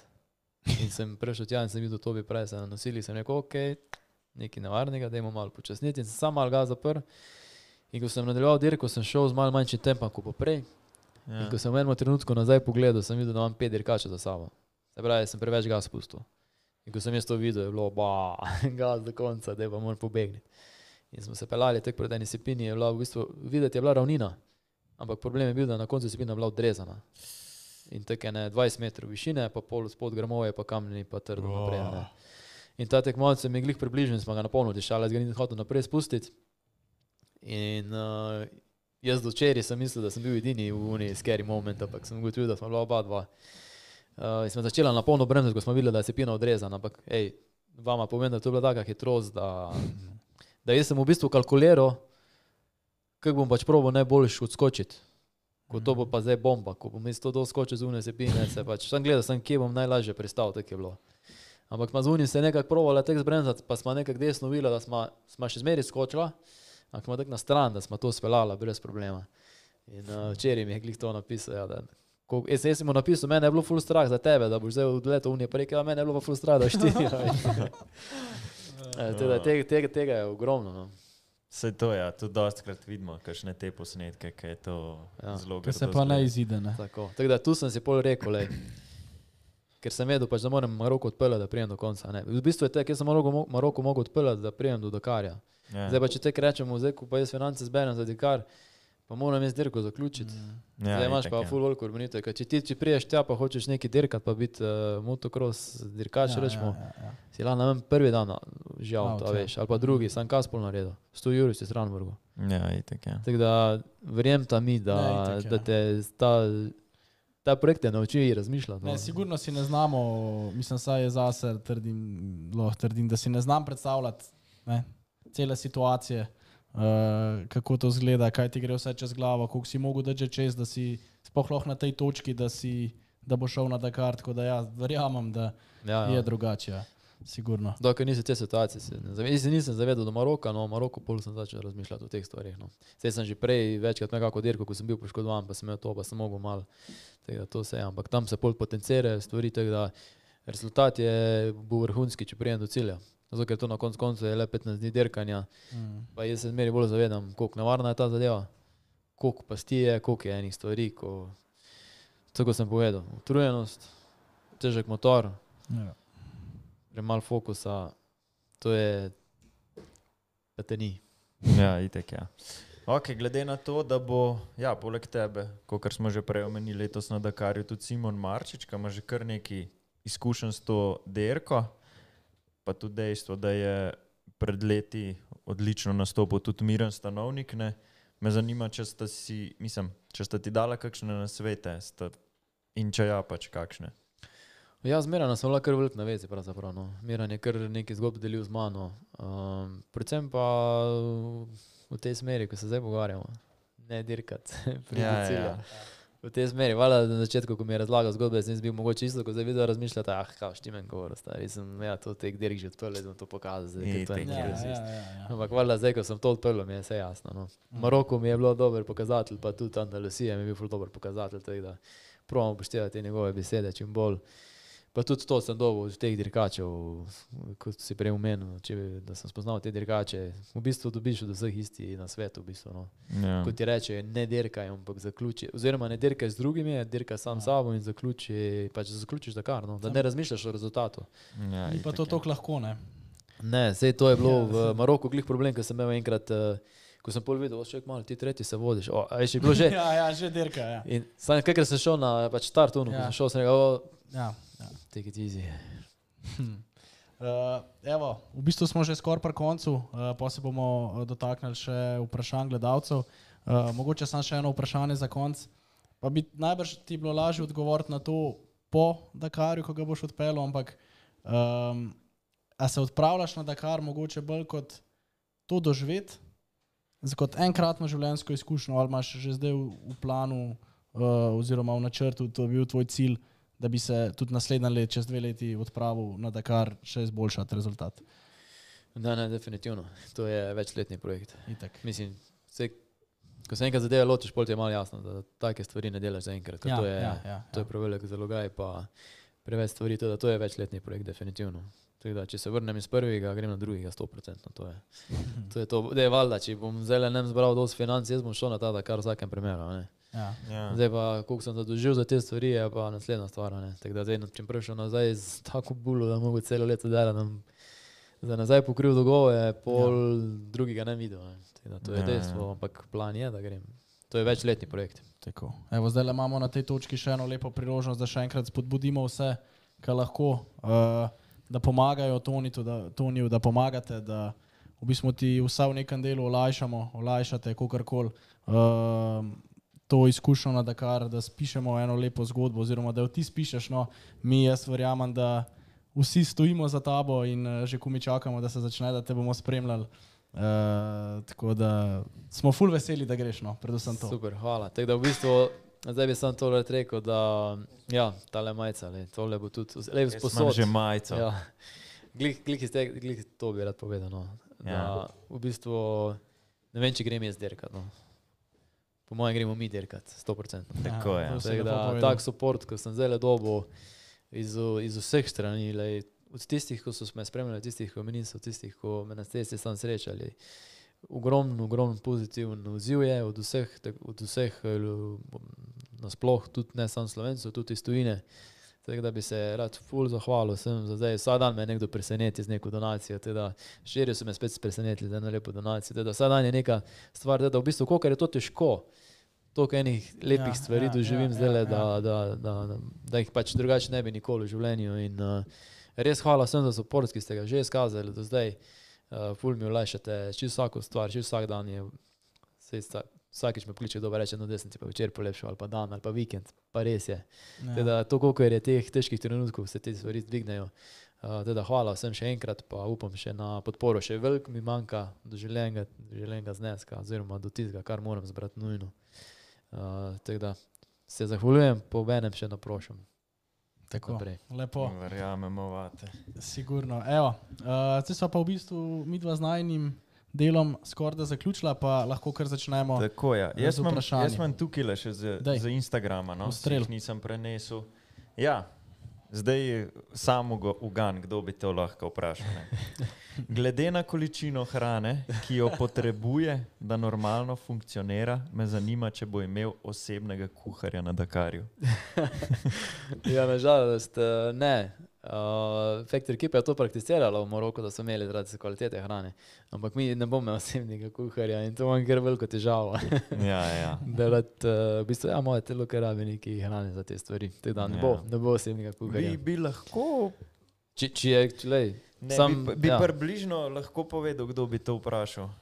Je v bistvu jih je kar velik, no, ko bi lahko le vprašal. To je tudi kar, res, ja. Vsake te malo bolj pozna, koliko ti poješ, pa koliko ti porabiš. Je pa na zadnje bilo kar hiperjack, je bilo veliko tega teh vprašanj. to je to. Imamo ga. ga. Okay, tukaj imamo še kakšne so želje za Dakar, oziroma kam, se misl, kam misliš, da se lahko uvrstiš, pa če misliš, da boš boljši od stanovnika. Uh, V bistvu zdaj je to vprašanje nagrado, ne? če kdo ve, kje je bilo njegovo najboljše mesto, to pa jaz ne vem. Bi mogli malo ja. pogledati, da ne bomo zdaj kakšnih neumnosti ja, govorili. Ja, ja. Miran, miran, pokliče nas. Ja, v glavnem, uh, vem, da ima dobre etapne stvari, to vem, da jih ima. Če to mi uspe narediti, pol samo vrhu. Tako da želja, cilj je to, kar sem že povedal. Zaključiti Dakar, pa sem pripričan, da tudi zna biti kaj lepega iz tega. Tako. Ampak zaključiti ga, no, to je moja cilj. Ja. Okay. Na, potem imamo naslednje vprašanje. Nataša Marinšek sprašuje, kakšna je bila tvoja prva misel, ko si dobil zasluženo stopnico za Dakar? Če seveda odmisliš finance, ki so pač ogromne, kot smo že povedali, nobenem ti želi še uh, srečno in pa vse dobro. Ja, v bistvu takrat je bilo uno, ja, po mojem, da uspelo ti je. Pač, ja, ja, ja, ja, dobiti ja. to, kar. Ja, v bistvu v bistvu takrat je bilo še zmeraj veliko breme vsega drugega, ampak pol počasi se ti to začne, se začne zavedati stvari, ko si jih dosegel oziroma so se ti uresničile. No. Top. Isto kolozar sprašuje, Tonček. Sploh prav vprašati. Ja. Prideš še prej kaj na Milkico? Pridem, ta vikend sem dol, tako da uh. isto kle pridke okrog, na kakor skupaj. Kaj pa drugega? Tudi, vsak vikend uh. tam. Drugega greva skupaj. Tako. Uh, Evo, pa smo dobili pa še uh, veliko enih pozitivnih komentarjev, niti ne toliko samih vprašanj. Um, mislim, da ful, um, tudi koment, čez komentarje se vidi, kakšno podporo imaš, koliko te ljudje v bistvu, koliko si želijo, da ti uspe, da ti rata in uh, mislim, da, da, da imamo to, kot si po tvojih besedah ja. rekel, oziroma imaš, ne, valjda. Uh, ampak mislim, da imaš v nas res en tak velik support. No. Ja, recimo tudi tale je zanimiv. DP Pavlović, ja. velik pozdrav od ekipe Moto 30, Toniju, počastijo nas je uh, dolaskom na trening Santrek ja. Peski v Hrvašku. Prije ne, nekoliko dana, vrhunski sportaš in osoba, Hrvatska navija za tebe, Toni, svaka čast tim brez brems. Vsi Ej, smo dubli pohvala. To, ja, sej, to so super ljudje. DB Pavlović pa ta 30 plus moto, to so res. V bistvu taki ljudi šport potrebuje. No. Tako je. Ja. No, to so te stvari, ko me vsak dan nekdo impresionira, ko že misliš, da je šlo vse v maloru. Ja. Pol vidiš, da so še zmeraj ljudi tam, ko so srcem in uh, oni je 100% eden od teh, ko ima veliko srce za te stvari. Uh, in uh, bil sem pri njih na treningu, sem dovolil, da treniram dol. Eh, Teda, da bi se jaz v bistvu njim zahvalil, da so me sprejeli, da so me počasili z vsem, eh, tudi da do tam vsi, da so pač res se počutiš kot zvezda zraven njih. Eh, in uh, oni so v bistvu tisti, ki so veliki ljudje. Pa, in vse čestitke njim in uh, hvala, da so mi dovolili. No. Ja. Je bilo čast. Uh, hvala pa tudi tebi, da ste ja. prišli do konca te oddaje. Tako da mi bi se ti ful zahvala, da ja. si prišel, da si si vzel čas ob te, pač tem napornem urniku, ki ga imaš, veva, da ni bilo lahko zdaj le še dve ure do sem pa nazaj. Uh, tako da smo ti ful hvaležni, da si prišel. Um, pa ga lahko že kar povabo po Dakarju, da pokomentiram. tako, čez tako. Dakar, una bo mal krajša, danes smo bili kar ja, dolgi. Ti misliš, da bo krajša? Ja, se to je. To bo veliko ja, zapovedati. To bo veliko. Ne, najlepša hvala, ja, da si se odzval, da si prišel. Upam, da smo, da smo te predstavili tudi vsem ostalim. Ja, eh, v bistvu hvala vama, oziroma vam vsem za potrpljenje, da ste me tokrat povabili, pa nikoli prišel. V bistvu sem zdaj končno prišel, ampak na moj urnik je to res težko. In tudi tokrat je bilo, po mojem, ne idealno, bilo še, ko ste Ja. me poklicali, sem rekel, "A, ful težko mi nekaj obljubiti, sploh od tem Ja, cajtom ja, naprej, ja. tako da Ja, sem ja. ful vesel, da ste me pač, da smo končno uspeli to speljati. Uh, teda hvala vam za vse, v bistvu za vsako tako stvar, ko si že prej mi govoril v komentarju, pa zdaj te stvari, vsaki se mi koža naježi, tako da sem prišel pri teh stvareh in dan imam to naježeno kožo, ko bereš te podporo, ko si prej omenil, pa tudi to, da ste me videl povabili, zdaj, da smo to oddajo naredili, zdaj, da jaz tudi upam, da smo pač nekako predstavili ljudem. Uh, Zakaj se gre? Ja. In da boste šli zdaj vsi, ampak gledajte, vsi kupiti tele majčke, vsaj še kaj podonirati, da ne bo. Da vsaj lače ne bo. Vsaj za kakšno večerico. to, Vse da ne rabimo zdaj, ne vem. teda v bistvu, če greste malo spet na stvar, ve, to ni mulec, pika si tam vse najdete. Tako, Donacije, ja. majčke. Donacije, Edin hrane ne morete donirati. Te ne, prosim, ker je ne morem zraven pelati. Tako je. Ja, Evo, nič. Toni, hvala. Tako, hvala Jaka, ti. hvala. Hvala vama, Luka, Jaka, hvala za vse, hvala brez Ja. brem sodaje. tako da. Upam, Držimo- da se res vidimo po Dakarju. da Sigurno. Sigurno. Nekaj. Sigurno. Uh, mi pa držimo pesti in ti držimo, mi samo vsi želimo full, full sreče in pa da boš užival. Pa seveda se bomo tudi trudili, da bomo objavljali ljudem, ki ne bojo redno spremljali. To, to mi pa ful pomeni. Ja. Ti V nam bistvu, boš mogel ja. nam pošiljati, pa nam malo Ja. govoriti, mi bomo, kar bomo dubali na spletu, ostalo pa ja se bomo trudili, da gre. V bistvu ni samo finančna tista pomoč, ker Ja. tudi to večkrat prav pride. tako Da, jaz sem potrudil, da gre z moje strani vse ven, vam pa hvala, ker delite z mano vse te stvari. Z veseljem. podp- podpirate, tako in drugače. Hvala vsem. Toni, hvala tudi tebi. Mi se pa vidimo v naslednji oddaji čez en mesec. Točno tako. Hvala.